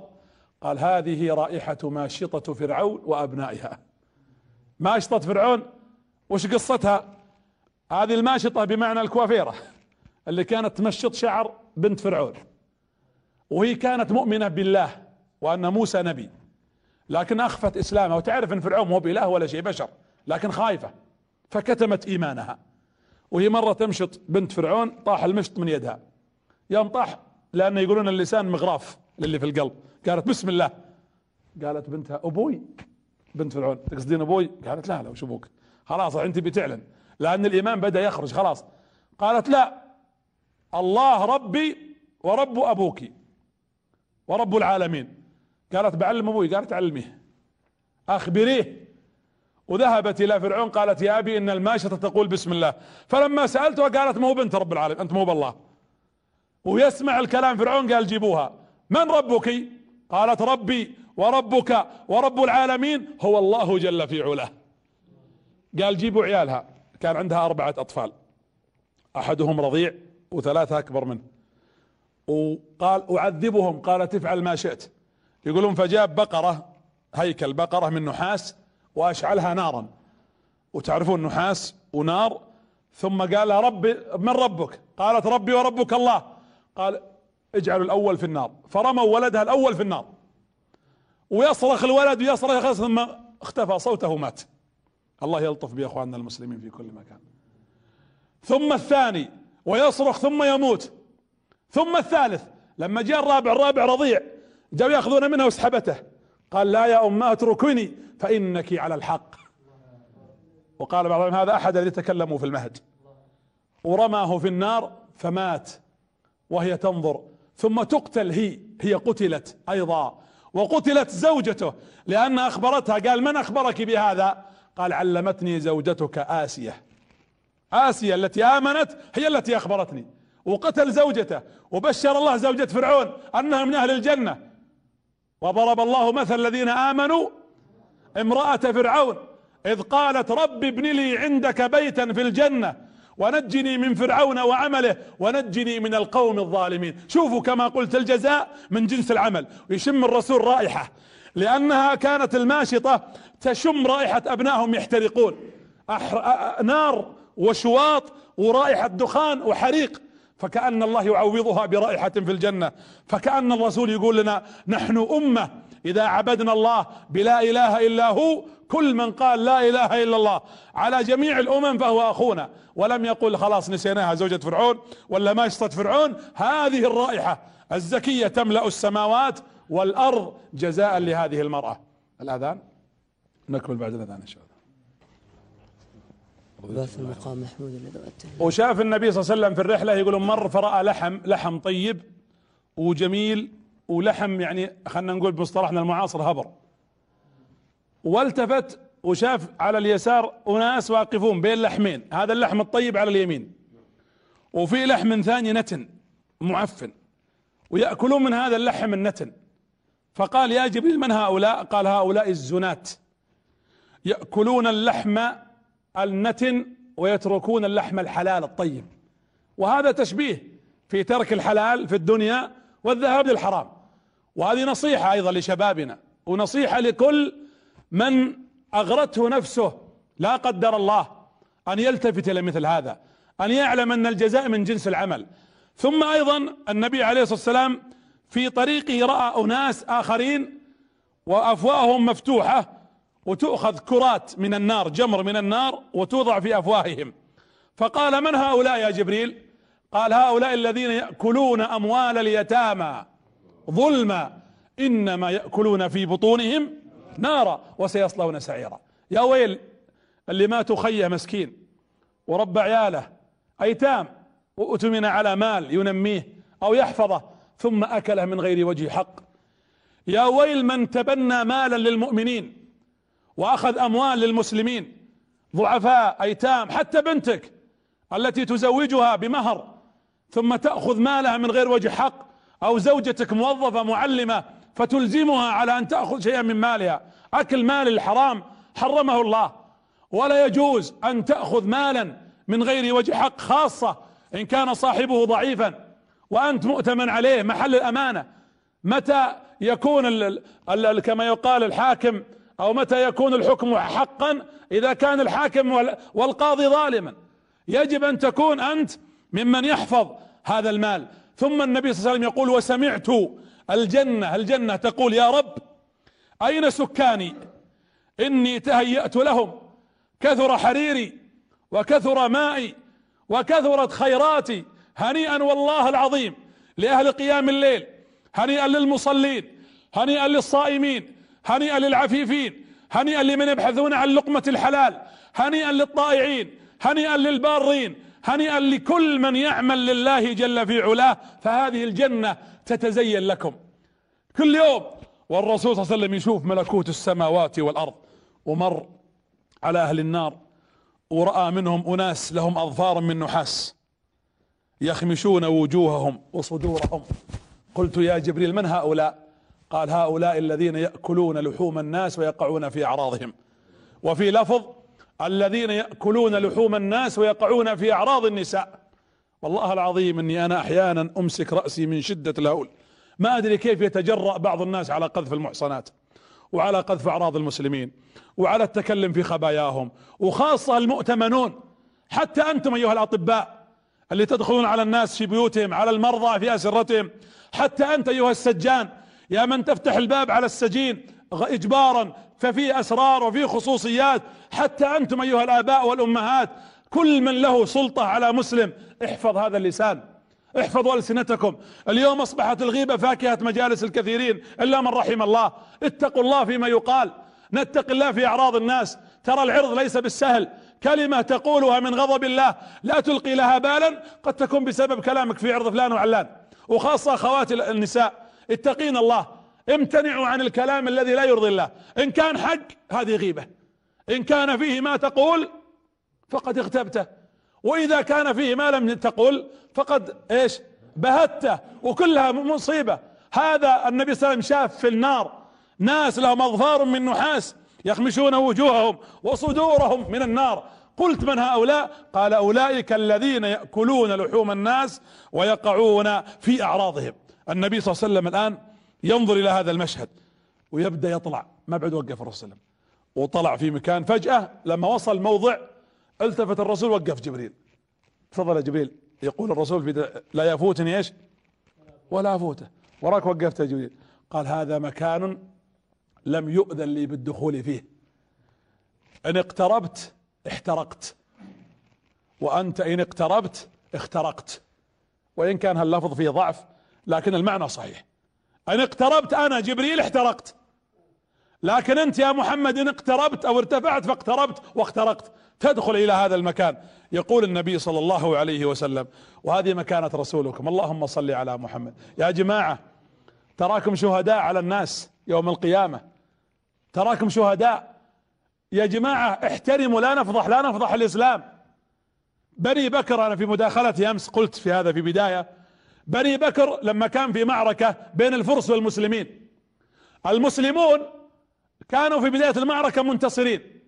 شوي من جهة الميمنة صار في خذلان وخذلوا المسلمين.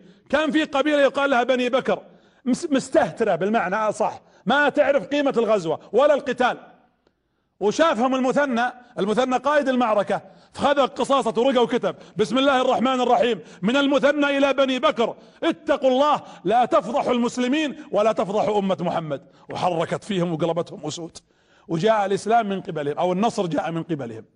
حنا اليوم ما نبغى نفضح المسلمين. لا نفضح المسلمين يا جماعة رسولنا بلغ منزلة لم يبلغها ملك مقرب ولا نبي مرسل. وهنا يصعد في موضع حتى جبريل على جلالة قدره. أمين السماء عليه السلام. ما بلغ هذه المنزلة التي بلغها محمد صلى الله عليه وعلى آله وأصحابه. يقول الرسول فالتفت جبريل. طبعا الرسول هنا في هذا الموضع شاف جبريل على هيئته الطبيعية. ولقد رآه نزلة أخرى مرة ثانية على الحالة اللي 600 جناح عند سدرة المنتهى. شافه عند السدرة في موضع اسمه السدرة. سميت بالمنتهى ليش؟ لأنها المكان النهائي. آخر حد يوصل له المخاليق. آخر حد النهاية. يقول فالتفت إلى جبريل بأجنحته الستمائة. طرف جناحه قلب فيها ديار لوط. ولو فرد واحد من أجنحته غطى الأفق ما بين السماء والأرض. تخيلوا في هذا المشهد. قال النبي فالتفت إلى جبريل فإذا به كالحصير البالي. أو الحلس البالي الثوب الطايح في الأرض خشوعا لله جل في علاه. خوف وخشية من الله جل في علاه. عظموا الله في نفوسكم. عظموا الله جلت قدرته. عيب عيب عيب أن يراك حيث حيث نهاك وأن يفتقدك حيث أمرك. والله عيب. عيب أن الله جل وعلا يقول أبغاك في المسجد فلا يراك. أبغاك بارا بوالديك فلا يراك. أنهاك عن دخول البارات والذهاب لأهل الخمور والحانات والضياع فيراك من الأوائل فيها. عيب. هذا من جزء من تعريف التقوى. أنا أعتبره أسهل تعريف للتقوى. قال وما التقوى؟ قال التقوى أن يراك حيث أمرك وأن لا يراك حيث نهاك. انتبه يشوفك ربي في المكان اللي نهاك عنه. أو يفتقدك في المكان الذي أمرك أن تكون فيه. وخشية الله عظيمة. جبريل يصير مثل الحصير مثل الثوب اللي طايح في الأرض خشوعا.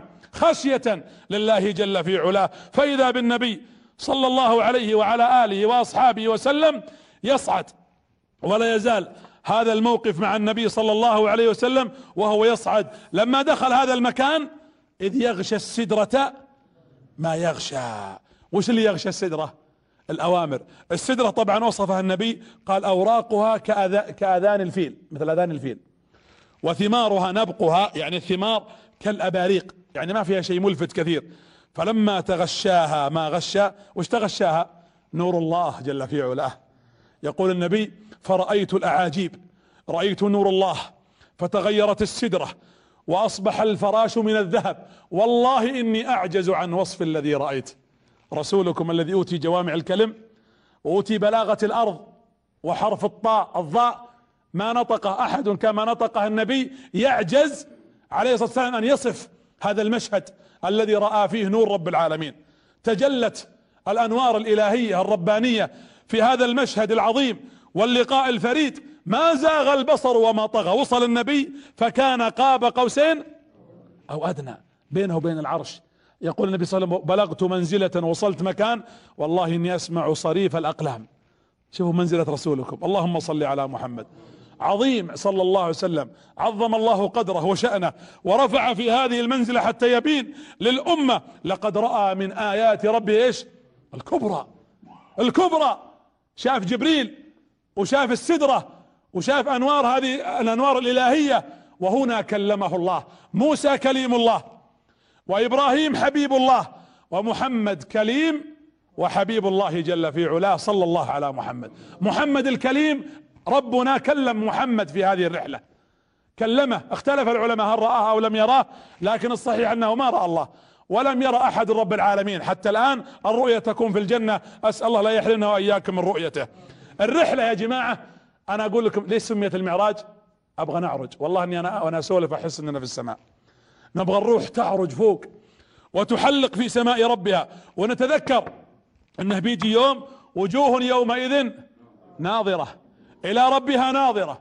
ووجوه يومئذ باسرة. تظن أن يفعل بها فاقرة. كلا إذا بلغت التراقي وقيل من راق. تخيل النبي صلى الله عليه وسلم وصل. وهنا قال الله ربه يا محمد إني أفرض على أمتك خمسين صلاة. خمسين صلاة. يا جماعة الفرض الوحيد والركن الوحيد والعبادة الوحيدة التي فرضت على النبي في السماء هي الصلاة. كل الأركان في الأرض التوحيد في الأرض جاءه في جبريل تحت وكذلك الصيام وكذلك الحج وكذلك الزكاة وكل أحكام الشريعة إلا الصلاة فرضت في السماء وطبيعتها لأن الصلاة كل يوم خمس مرات الله أكبر روحك أصلا تعرج فوق الروح تروح فوق فطبيعة المعراج أن تعرج بنفسك خمس مرات في اليوم فكانت الصلاة مفروضة على النبي صلى الله عليه وسلم حتى تحلق أنفسنا مع الله كل يوم خمس مرات. خمسين صلاة فقبلها النبي وهو نازل التقى بمن بموسى السماء السادسة. قال ماذا فرض عليك ربك؟ قال فرض علي خمسين صلاة. قال إني جربت بني إسرائيل ولم يفلحوا فإن قومك لا يقدرون عليها. ارجع إلى ربك استأذن ربك انه يخففها فرجع النبي صلى الله عليه وسلم قال يا رب خفف على أمتي. فقيل أنه قال أربعين يعني خففنا عشر وقيل خفف نصفها خمسة وعشرين في روايتين. عشر نزلت. نزل قال له كم؟ قال أربعين قال لا يقدرون عليها. فعاد إلى ربه فاستأذن فصارت ثلاثين. ثم شوي صارت عشرين. تخيلوا لو صلاتنا خمسين صلاة. أنا حسبتها اليوم بالساعة خمسين وزعتها على اليوم طلعت كل سبعة وعشرين دقيقة تصلي فرض. الحين بعضنا يفوته فرض العصر. ولا جاء المغرب قال أنا صليت العصر ولا لا؟ والله ما أدري. تخيل إنك تصلي الحين رقم 37 الله أكبر. يوم هذه رقم كم؟ 36 لا 5 لا هذه 27 لكن رحمة رحمة رحمة. فيرجع النبي صلى الله عليه وسلم يروح يرجع حتى بقيت خمس. فالله جل وعلا قال إنه لا يبدل القول لدي. إنها خمس بالفعل بالأداء وخمسين في الأجر. رح. فقد فرضت خمس. يوم رجع إلى موسى. قال كم؟ قال خمس. قال كثيرة. قال والله إني استحيت من ربي. خلاص. خمس خمس يا جماعة. خمس صلوات. ومع ذلك حنا نشوفها كأنها أثقل من جبال أحد. ليه؟ لماذا الصلاة؟ الرسول يقول يا بلال أرحنا أرحنا بالصلاة. يا بلال إذا تعبنا تكفى أذن وخلنا نصلي.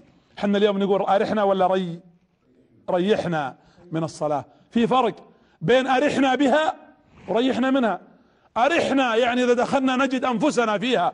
ولذلك كان النبي إذا فزع وف وف وكان عنده أمر شديد فزع النبي صلى الله عليه وسلم إلى الصلاة ويعرف قيمة الصلاة عليه الصلاة والسلام. ولذلك كل يوم خمس مرات الله أكبر أكبر من دنياك وأكبر من همومك وأكبر من ديونك وأكبر من مشكلتك مع زوجك. وأكبر من كل أمر في الدنيا أكبر من كل شيء. الله أكبر هو الكبير. يقول الحسن البصري إياك أن تقول الله أكبر فتلتفت في الصلاة إلى غيره. مو بلازم يلتفت بصرك قد يلتفت قلبك. تكبر وان تقول بروح لفلان وبعسى ينفعني شفاعة فلان وتنفعني واسطة فلان. لا تلتفت إلى غير الله عيب عليك. أن تدخل في ملكوته وتدخل سبحانه وتعالى في لقاء معه ثم تلتفت إلى غير الله جل في علاه. وهذه الصلاة خمس صلوات. يا جماعة خمس صلوات في اليوم الليلة من صلاها فاز في الدنيا والآخرة. هي برهان ونور وتوفيق وأول ما يحاسب عليها العبد. إذا صلحت كل أعمالك بعدها إن شاء الله بخير. وإذا لم تصلح فقل على نفسك السلام. الرسول لما رجع يقولون إن عبد الله بن عمر وعمر بن الخطاب وعدد من الصحابة. كان الرسول الرسول الوحيد اللي شاف الجنة بهذه الطبيعة من ممن نزل الأرض. قال الرسول من للصحابة من منكم دخل الجنة؟ في أحد دخل الجنة؟ ما حد تكلم. فقام عبد الله بن عمر قال أنا يا رسول الله. يقول عمر بن الخطاب شفته حطيت على راسي قلت فضحنا وين شيخ الجنة ذا؟ قال من منكم دخل الجنة ولم يتكلم أحد؟ قال عبد الله أنا يا رسول الله. يقول عمر فوضعت يدي على رأسي. ثم التفت النبي صلى الله عليه وسلم قال عليه الصلاة والسلام من منكم شرب من أنهار الجنة؟ يقول قال عبد الله أنا يا رسول الله. يقول عمر قلت لا حول ولا قوة. قال من منكم أكل من ثمار الجنة؟ قال أنا يا رسول الله. قال عمر فوضعت يدي على رأسي. ثم قال قل لهم يا عبد الله كيف دخلتها؟ وكيف شربت من أنهارها؟ وكيف أكلت من ثمارها؟ قال يا رسول الله إن دخولك دخول لأمتك وإن شرابك شرابا لأمتك وإن أكلك لثمارها أكلا لأمتك. شوفوا المفهوم الواسع. فاحمدوا الله أن الله كرم نبي هذه الأمة بدخول الجنة ورآها نبيكم ووصفها. بل إن النبي استأذن الله لم يتحدث نبي الأمة إلا عن شيء أذن الله له به أن يتحدث. وإلا قطعا هناك من الأمور. لاحظوا أدب الرسول. الله يقول لما وصل كان قاب قوسين أو أدنى قال الله ما زاغ إيش ما جلس يناظر يطالع. هذه قلة أدب اسمها أنت لا دخلت بيت واحد ودعاك أحد في بيت فاره ولا في بيت جميل ولا في موقع جيد. لا تقعد تتلفت وتبهر الناس. الأدب من يوم تطق الباب. جاءتنا آداب نبوية. إذا طرق أحدكم الباب فليقف على يمينه أو على شماله. لا تجي وجه الباب. حتى لا يفتح الباب وترى محارم المسلمين. من هي؟ هذه آداب. وإن دخلت طأطأ رأسك. ولا تجلس نعم ولا تجلس في وجه المجالس. إذا كان تفتش أبواب وتفتح على الأسر وعلى البيوت. احترام البيوت مهم. وأحذر انتبهوا من العمالة في داخل البيوت. يجب أن المؤمن يعرف قيمة الله. أمرنا أن نستأذن. لا تدخلوا بيوتا حتى إيش؟ تستأنسوا يعني تستأذنوا وتسلموا على أهلها. هذه هذه آداب شرعية. النبي جالس في ملكوت السماوات والأرض ومع ذلك يقول الله ما زاغ البصر. ما جلس. البصر ما زاغ. تأدبا مع ربه صلى الله عليه وعلى آله وأصحابه وسلم. ثم النبي عليه الصلاة والسلام قال الصحابة صف لنا الجنة. قال إن في الجنة ما لا عين رأت ولا أذن سمعت ولا خطر على قلب بشر. من يعطيني؟ ليش جاء الترتيب؟ أذن ما عين أذن خطر على قلب. ليش الترتيب جاء كذا؟ يلا. والتأكيد. الرسول يقول كأن الترتيب يعكس. قال إني رأيت في الجنة ما لا عين رأت ولا أذن سمعت ولا خطر على. ليش جاب العين بعدين السمع بعدين القلب؟ ليش؟ بعدين بس بدأ بالقلب. لا يقول أي نعم يقول لأن أنت حلو قال لك واحد وش شفت في الحياة؟ تقول والله شفت الطايف ورحت الباحة لكن ما رحت المكان يعني نظرك أقل. لكن سمعت عن إيش؟ إي والله سمعت عن الشلالات في كذا وسمعت عن كذا السمع أكثر من ال... أما البال التفكير الخيال أوه واسع. قد تتخيل أشياء حقيقة وغير حقيقة وتتخيلها بشكلها وبغير شكلها. ولذلك الرسول قال ما لا عين رأت ولا أذن سمعت ولا خطر على قلب بشر. ثم قال النبي فمررت على قصر جميل وعنده حسناء من الحور عند الباب. فقلت لمن هذا القصر؟ ومن هذه الحسناء؟ قالوا هذا قصر لرجل قرشي وهذه الحور زوجته. قال من هو؟ قال إنه عمر. يقول الرسول فوجدت وأخذت عيني لفيت بوجهي. قال عمر ليش يا رسول الله؟ قال علمت غيرتك يا عمر. أعرف إنك تغار. قال أو منك أو منك أغار يا رسول الله؟ شاف الرسول بيت عمر قصر عمر والحور العين التي كانت لعمر. ثم قال مررت على الكوثر فرأيت نهرا. يقول صلى الله عليه وسلم حافتاه من ذهب. فقال جبريل هذا الكوثر الذي أعطاك ربك. فأنزل الله إنا أعطيناك الكوثر. ثم النبي صلى الله عليه وسلم جالس ثم قال ورأيت قصوركم. شوفوا شوفوا شوفوا الكلام البليغ والتطمين للأمة. ورأيت قصوركم في الجنة. قصور. قالوا صفها لنا يا رسول الله. قال لبنة من فضة ولبنة من ذهب. البلك احمدوا الله على النعمة يا جماعة. ملاطها المسك. الملاط هو السمنت اللي يمسك اللبنتين. قال ملاطها المسك وحصباؤها اللؤلؤ وسقفها عرش الرحمن. اللهم لا تحرمنا من فضلك. والله أن الدنيا مهم شيء عند هذا النعيم العظيم. نسأل الله أن يجعلنا وإياكم ووالدينا في جناته جنات النعيم. فجاء الصحابة وهم يستمعون إلى هذا الكلام. الرسول انتهت الآن رحلته العظيمة. قال العلماء أنه استأذن ربه بما يحدث. لأن العاقل المؤدب الإنسان ذو الخلق الذي أدبه ربه لا يمكن أن يحدث بأمر بينه وبين الله إلا ما أذن به الله. المؤمن العاقل بينك وبين صديقك خويك أخاك زوجك سر لا تفشي سرا لأحد. احذر أن تكون نقالا لأسرار الناس. من أفشى سرا خاصة إذا كان السر معيبا أو امرا في انتهاك حرمة. قال النبي صلى الله عليه وسلم يا معشر من آمن بلسانه ولم يدخل الإيمان في قلبه. لا تتبعوا عورات المسلمين. فمن تتبع عورة امرئ مسلم تتبع الله عورته حتى يفضحه ولو في جوف بيته. والله العظيم والله والله إن سنة الله ظاهرة. والله العظيم سنة الله معلومة. من تتبع عورة امرئ وفضحه والله لن يموت حتى يفضح. والله لن يموت حتى يفضح. ولذلك العاقل خصيم نفسه. الرسول رجع الآن. ونزل من السماء إلى المسجد الأقصى. وجاء فك البراق رابط البراق عشان ما يروح ولقى البراق على ما هو عليه. فصعد وصعد جبريل. يقول النبي صلى الله عليه وسلم فمررنا على قوم ناس قافلة ومعهم بعير. القافلة ذولي بعيرهم شافر البراق ففر خاف منه فز فزع. يقول فهرب البعير في مكان حتى اختفى. وبدأوا اهله يدورونها أفضل بعير عندهم. قال النبي فرجع فقال تريدون بعيركم؟ انظروا في المكان الفلاني. هناك روحوا جيبوه. يقول فأتيت إلى إناء من ماء فأمرني جبريل ففتحته فشربت منه. وجو يدورون الماء ما لقوه. وهي علامة يريدها الله. قال النبي صلى الله عليه وسلم فعدت في ليلتي. ووالله إن وسادتي فراشي كان دافئا كما تركته. كأني ما رحت. يقول جيت لقيت الفراش دافئ. طبعا الرسول جلس. أنت تخيل المشهد اللقاء هذا مو بشوي. أنت لو تروح تقابل لك واحد في الديوان الملكي ولا في مكان مهم تقعد تهذري أسبوع. دخلت وقصر طويل وفيه ثريات وكذا وحراس وتقعد تتكلم على شيء رأيته من الف... من الرسول جلس الآن يراجع. تأثر ظهر ذلك فنام. يقول فقمت مهموما. وش أقول للناس؟ وكيف أصف المشهد؟ وكيف اعلمهم بهاللقاء اللي حصل؟ ومر عليه أبو جهل. يقول ما لي أراك متاثرا يا محمد. عرف من وجه النبي صلى الله عليه وسلم. قال إني حصل لي امرا البارحة. قال ما هو؟ قال لقد ذهبت إلى المسجد الأقصى. قال ما شاء الله المسجد الأقصى. طبعا أبو جهل ما صدق إنه نبي. يقول المسجد الأقصى نركب حنا اكباد الإبل ونجلس فوق شهر. قال رحت وعودت قال لي رحت وجيت.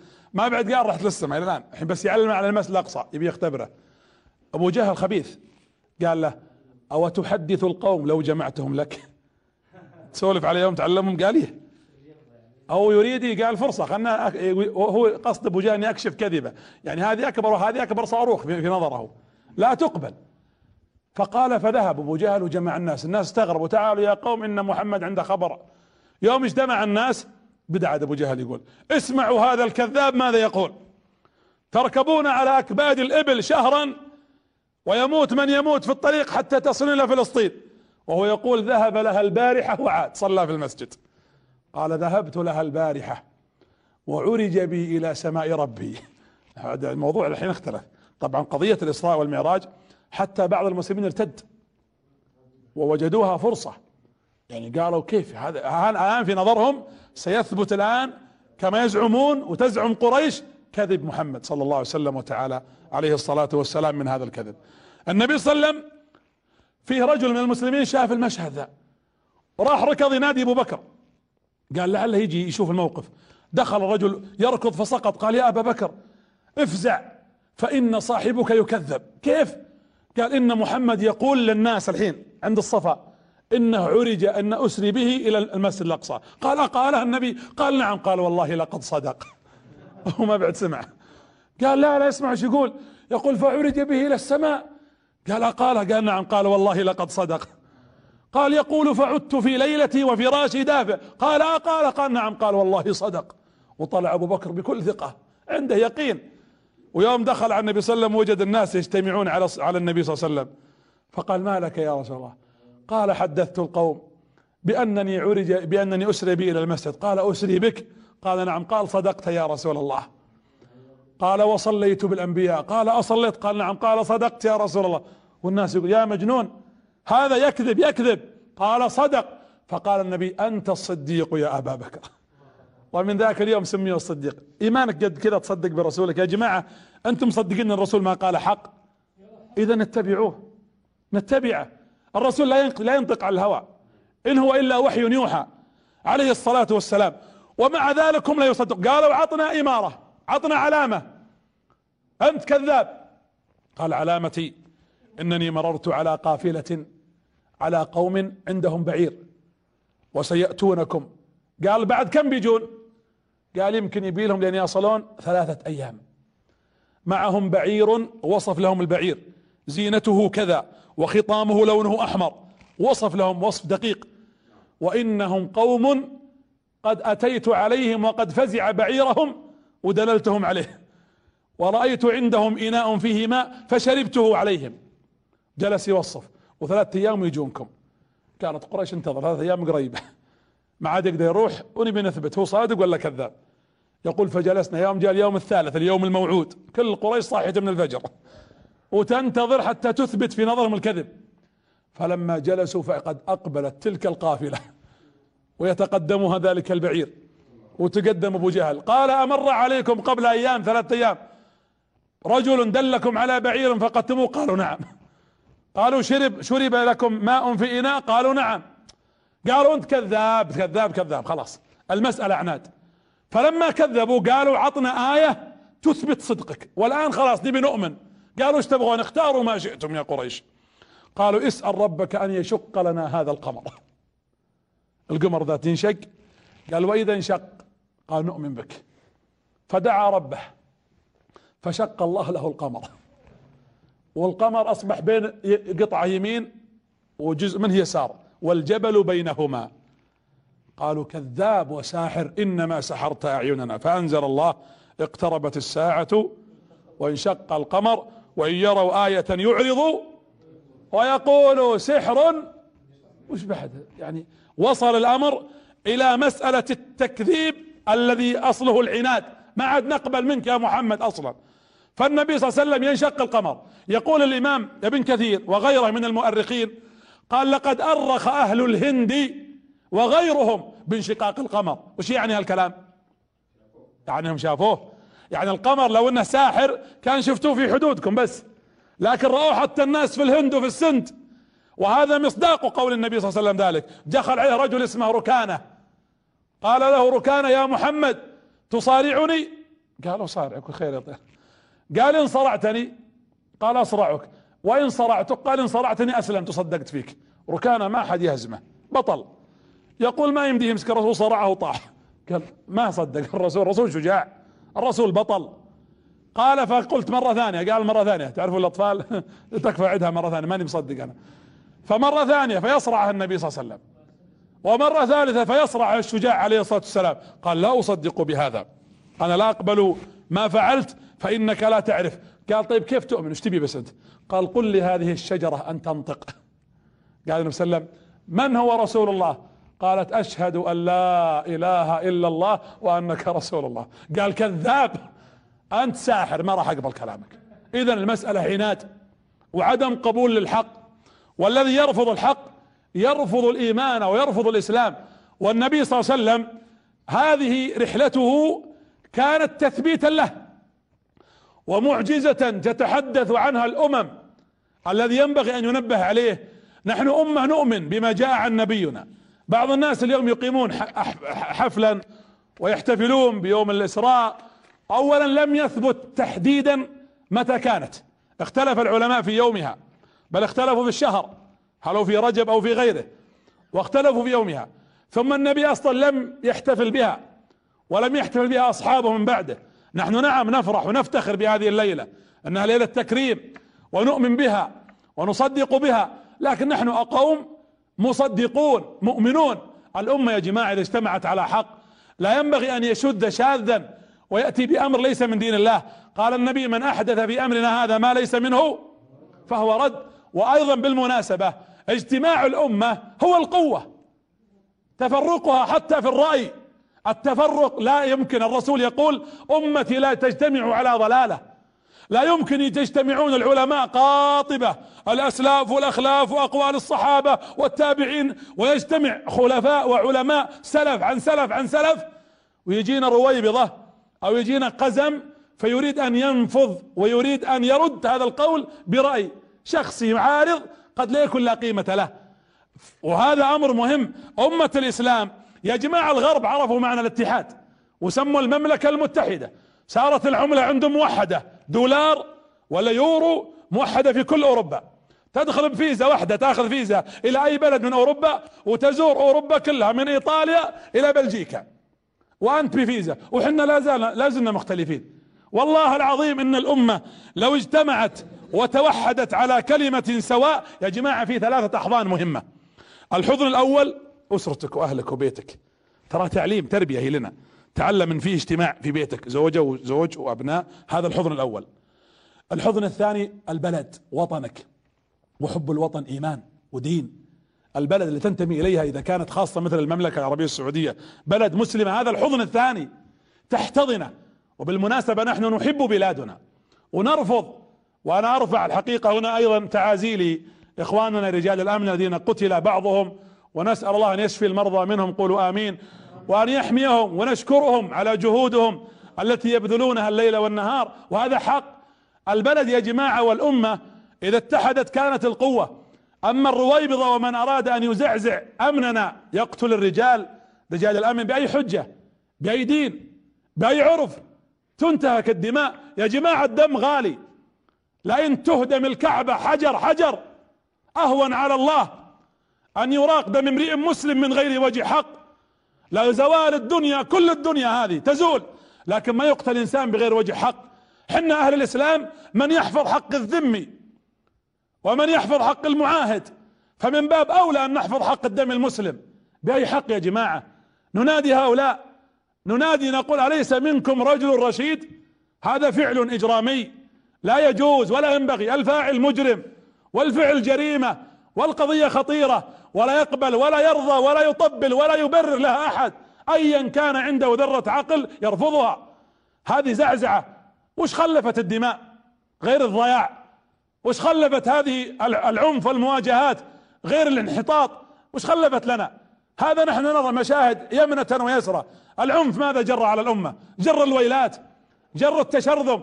مكن الأعداء. بل بالعكس قربنا خلانا كما قال النبي صلى الله عليه وسلم كالقصعة يأكلون منها أعداؤنا والأمة تتفرج. الأمة يجب أن تتحد وتجرؤ وتقول بكل ثقة أن مثل هذا العمل مرفوض. فنحن من هذه المناسبة نرفع تعازينا لكل أبناء وذوي الذين ماتوا في هذا الباب وفي هذا الطريق ونسأل الله يكونوا شهداء عند الله وهم بلا شك شهداء في سبيل رب العالمين. ونسأل الله أن يشفي كذلك المرضى ونشكر كل رجال الأمن البواسل الطيبين ونسأل أن يحفظهم عن أيمانهم وعن شمائلهم ومن أمامهم ومن خلفهم ومن فوقهم ونعوذ بالله أن يغتالوا من تحتهم ونسأل الله يحفظ هذه البلاد بلاد المملكة العربية السعودية ونرجو الله جلت قدرته أن يمن على خادم الحرمين أيضا بالشفاء العاجل وأن يقر أعيننا بشفائه وأن يجعل ويولي على المسلمين في كل بلد خيارهم. يا جماعة نحن أمة تربينا على الاجتماع. أنت تصلي الفريضة ولا لا؟ إذا دخلت الفريضة وأنت تكبر تقول الله أكبر وصلى وراك صف. لا ينبغي لك أن تتقدم أول شيء على الإمام. لو صليت الحين صلاة العشاء وجاء واحد منكم سجد ولا ركع قبل يجوز؟ لا بل تبطل صلاته. الله يعلمك كيف تسير خلف إمامك وتطيع في المعروف. لا تسلم إلا إذا سلم وتكبر إذا كبر وتركع إذا ركع وتسجد إذا سجد وتقول آمين إذا قال ولا الضالين. وجاءنا أيضا دائرة أوسع. علمنا صلاة الجمعة نجتمع كل أسبوع عشان يقول ربي شوفوا هذا منظر من مناظر التجمع والاجتماع. اجتماع الأمة يا جماعة أنتم انت تشوف المسجد بعد صلاة الجمعة هذا هندي وهذا أردني وهذا سعودي وهذا فلسطيني وهذا مصري وهذا كلنا نجتمع على لا إله إلا الله. هذا نوع من أنواع الاجتماع. وهذا هو الحضن الثالث الذي أريده. حضن الأمة حضن الأمة كلها بمجموعها. لو صليت الحين خلف الإمام الصف الأول امتلأ. ودخل واحد يبغى يصلي في الصف الثاني. على أرجح الأقوال أنك ما تصلي منفردا تسحب لك واحد. الله يبي يعلمك أنك لا تصير لحالك. خليك مع الجماعة تسلم وخليك مع الجماعة تقبل منك الأعمال. الله يعطينا أمر أوسع الصيام. صوموا لرؤيته وافطر رؤيته. مليار ونصف مسلم ما إحنا بنجتمع إلا على الفطور. نجتمع على هذه الوجبة. إذا أذن المغرب كل الأمة تفطر. وإذا أذن الفجر أو بمعنى أصح إذا جاء الخيط الأبيض الخيط الأسود كان هذا هو محك اجتماع هذه الأمة. الحج ثلاثة مليون في بقعة صغيرة نتزاحم ونطاق ونداف في مكان ضيق. الله يقدر يعطينا مكان أوسع. ليش هالمكان الضيق؟ يقول الله تعلموا اجتمعوا ولو تضايقتم ولو احتك بعضكم ببعض الاجتماع بركة ولو كنا متضايقين. نجتمع. تعلموا ديننا كله كله تربية على الاجتماع. تربية على جمع الكلمة. الإسلام لم يربنا على غير ذلك. الإسلام ربانا على هذه المبادئ. لا نسابق الإمام أن تكون أمتنا كالجسد الواحد. والنبي صلى الله عليه وسلم يسأل ربه أن يحفظ أن يحفظ هذه الأمة. في حديث الحقيقة أنا ودي اقرأها عليكم بالنص. وحديث النبي صلى الله عليه وسلم اوجه لهذه الفئة. أقول بالحرف الواحد. الإرهاب في بلدنا وفي سائر البلاد مرفوض. وجاءنا في السيرة وسيأتينا. العنف ليس لنا. ديننا دين الإسلام والسلام والأمن والإيمان. لا إكراه في الدين. نقول أي مسمى. أي مسمى. تبي تسمي نفسك إرهابي؟ تبي تسمي نفسك قاعدي؟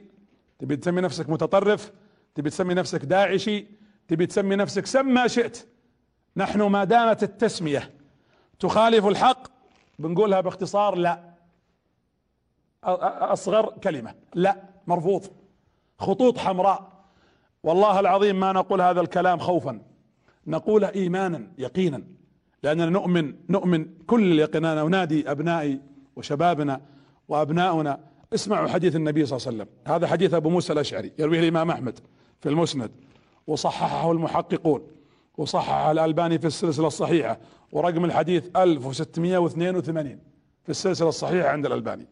أبو موسى الأشعري يقول كان النبي يحدثنا أن بين يدي الساعة الهرج قيل وما الهرج؟ قال الكذب والقتل. قالوا أكثر مما نقتل الآن اللي بيصير أكثر يا رسول الله. قال إنه ليس بقتلكم الكفار مو باللي تتوقعونه أنتم من تقتلون الكفار ولكنه قتل بعضكم بعضا حتى يقتل الرجل جاره ويقتل أخاه. ويقتل عمه ويقتل ابن عمه. قالوا سبحان الله. وما معنى عقول؟ وين عقولنا؟ قال لا إلا أنه ينزع عقول أهل ذلك الزمان. يصيرون عاد يفكرون. قال حتى يحسب أحدكم أنه على شيء وهو ليس على شيء. في أحد يعارض كلام محمد؟ إحنا نتكلم الآن عن السيرة. نتكلم على التسليم لرسولنا عليه الصلاة والسلام. نحن نسلم نسلم لهذا النص. نسلم لمن لا ينطق عن الهوى صلى الله عليه وسلم لسبب واحد لأن الأمة إذا اجتمعت وفقت وبوركت وأعطت وأنتجت وأصبحت أمة تقود الأمة للنهضة وتنتهض أمتنا. هذا هو الإسراء والمعراج. رحلة السماء الالتقاء الأرضي بالسماء. النبي صلى الله عليه وسلم لفظه بشر رعاع. من سفهاء في الطائف وكفار بعض كفار قريش وهو هو نبيكم يكرم درجة تكريم من أعلى الأوسمة ويلتقي بربه جل في علاه. صلوا على حبيبكم آلاف الصلوات فإن صلاتكم تبلغه. اللهم صل وزد وبارك على عبدك ورسولك محمد بن عبد الله صلى الله عليه وآله وسلم. اللهم اجمعنا به في جناتك جنات النعيم. سنتحدث إن شاء الله تعالى في اللقاء القادم. شدة الإيذاء بعد ما سمعوا هذا الكلام أو بمعنى أدق شدة التكذيب. وسننظر كيف كانت بيعة العقبة وكيف عرض النبي صلى الله عليه وسلم نفسه على القبائل وكيف خطط للهجرة وكيف دخل المدينة. حياة جديدة. اليوم أقدر أقول انتهينا من الحياة المكية وأنهينا الفترة المكية. سنقبل في اللقاء القادم على المدنية وعلى المدينة وعلى الحياة الجميلة في طيبة الطيبة التي أسأل الله أن يشرفها بالإيمان وأن يجعل عملي وأعمالكم خالصة. أخيرا لا يجوز لي ولا يروق لي أن أختم هذا اللقاء. ونحن لا نذكر إخواننا في سوريا الذين يعانون أشد المعاناة من هذا البرد والشتاء. فحقهم علينا أن ندعو لهم بكل إخلاص وصدق أن الله يرفع عنهم هذا الوباء وهذا البلاء وهذا البرد الشتاء الذي هو خوف والحقيقة وعمر أمرنا ان أن نستعد له. فالله الله أيها المؤمنون أنا أعرف أن البارح كان عندكم حملة تشكرون عليها ونحن أيضا تعودنا في بلادنا وعودنا أيضا إخواننا المسلمون في شتى أنحاء العالم. رأينا ما شاء الله حملات مصاحبة في الكويت وفي قطر وفي الإمارات وفي كثير من بلدان المسلمين نصرة لإخوانهم. هذا أقل ما نقدمه لهم. الصور اللي شفناها ما ودي أتكلم عنها. أنتم عرضتم شيئا منها كثير. وأتوقع اليوم أقرب شخص يستطيع يفتح جهازه الذي في يده ويكتب فقط سوريا تتجمد وسيرى من الصور الجديدة الجديدة أمس وقبل أمس. أمس أنا جاءني تقرير مباشر 13 شخص 13 طفل يموتون متجمدين البارح القريب. بعض الآباء قبل ثلاثة أيام خلعوا ثيابهم وشبوا فيها نار عشان يدفون عيالهم وجلسوا فقط فيما يغطي محاشمهم وعوراتهم المغلظة. الوضع حقيقة يدمي والحديث عنه صعب. وأنا أتصور ما يحتاج أنا قرأت تغريدة أو هاشتاج طبعا أنا لست جيدا في الجوانب قرأت عبارة أعجبتني سأنقلها والعهد على من قال لكن هي جميلة. يقول أحدهم وهو يصف حال السوريين هناك يقول لكم أنتم الصورة. أنتم تعالوا شوفوا الصورة صوروا بس وشوفوا الصور. أما نحن فلنا الحقيقة. هم يعيشون واقع يعيشون واقع. اجتمع عليهم عدو يا جماعة. حوصروا طردوا هجروا قتلوا أكثر من مليون ونصف من أطفال سوريا خرجوا من سوريا. إذا كان فيه قتيل ترى أمامه عشرة مرضى وجرحى. إذا قتل شخص في غارة اعرف إن الجرحى والمرضى عشرة. ولك أن تتخيل الأعداد. بلغ عدد الذين قتلوا في سوريا منذ أن بدأت الثورة اليوم أكثر من خمسمائة ألف. يا جماعة الوضع مزري أمتنا واحدة. إحنا ما عندنا حدود جغرافية في حال الأمة ونصرتها. نعم نحن نحترم حقوق وحدود كل بلد وأنظمتها لكننا في المقابل في حدود الأخوة. لا الأخوة ما لها حدود ما لها جغرافية ما لها لون ما لها جنس ما لها ثوب. الحدود في الأخوة حدود عامة. يجمعني أخوة التوحيد مع الهندي في الهند وتجمعني أخوة العقيدة مع الصيني في الصين. وتجمعني أخوة الإسلام والشريعة مع مع الأمريكي المسلم في أمريكا. نحن أمة واحدة. نعيش كما قال النبي إنما المؤمنون إخوة كما قال الله. وكما قال النبي المؤمن للمؤمن كالبنيان يشد بعضه بعضا. وكما أخبر أنك الجسد الواحد إذا اشتكى منه عضو. حنا يشتكي منك عينك ترى عينك ذي هي سوريا. إذا اشتكت عينك لازم يوجعك ظهرك ولازم يوجعك قلبك. ولازم يوجعك جسدك لأنهم جزء من هذا الجسد. فالله الله أيها المسلمون أنا قلت البارح كلمة أريد أن أعلق عليها. قلت هم لا يريدون مننا أن ندفع كما دفع أبو بكر كل مالنا. ولا يريدون نصف المال كما دفعه عمر. ولا يريدون أن تجيش جيشا كما جيش عثمان. لأن ما نقدر. لكن يريدون فضلة المال. ولا يعني هنا بفضلة المال معناتك لا تلبس. لا البس. وكل. وعليك بالعافية. واشرب. لكن لا تنسى يا إخوانك ما حد قال يا جماعة اللي عنده بكرة زواج يلغيه. واللي جالس في بيت زين يطلع منه. واللي راكب. لا لا لا إلا بالعافية هذه نعمة احمدوا الله عليها واستخدموها فيما يرضيه. لكن اذكروا إخوانكم فقط. اذكروهم بلو بفضلة المال. أسأل الله جلت قدرته في هذه الساعة الكريمة. اللهم أنت الله لا إله إلا أنت. اللهم أنت الواحد الأحد.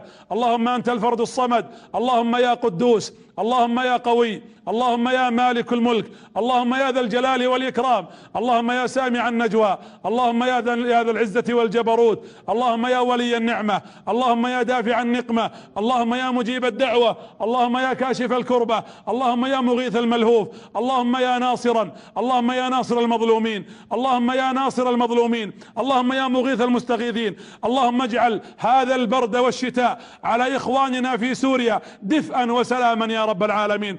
اللهم يا من جعلت النار بردا وسلاما على إبراهيم. اجعل هذا البرد والشتاء على إخواننا في سوريا وغيرها من بلاد المسلمين. اجعله عليهم دفئا وسلاما يا رب العالمين. اللهم ارحم أطفالهم وارحم ضعفهم وارحم نساءهم وارحم رجالهم وكبارهم وصغارهم يا رب العالمين. اللهم ارحمهم رحمة من عندك. اللهم ارحمهم رحمة من عندك. اللهم ارحمهم رحمة من عندك. اللهم لقد تخلى عنهم الناس وتركهم الخلق. إنهم ليس لهم رب سواك ولا إله غيرك. اللهم إنا نسألك أن ترحمهم رحمة واسعة. اللهم أنزل عليهم الرحمات وانصرهم على من عاداهم يا رب العالمين. حفظ الله علينا وعليكم إيماننا وديننا وأمننا وجمع الله لنا ولكم الخير كله. هذا وصلوا على محمد بن عبد الله وعلى آله وأصحابه أجمعين.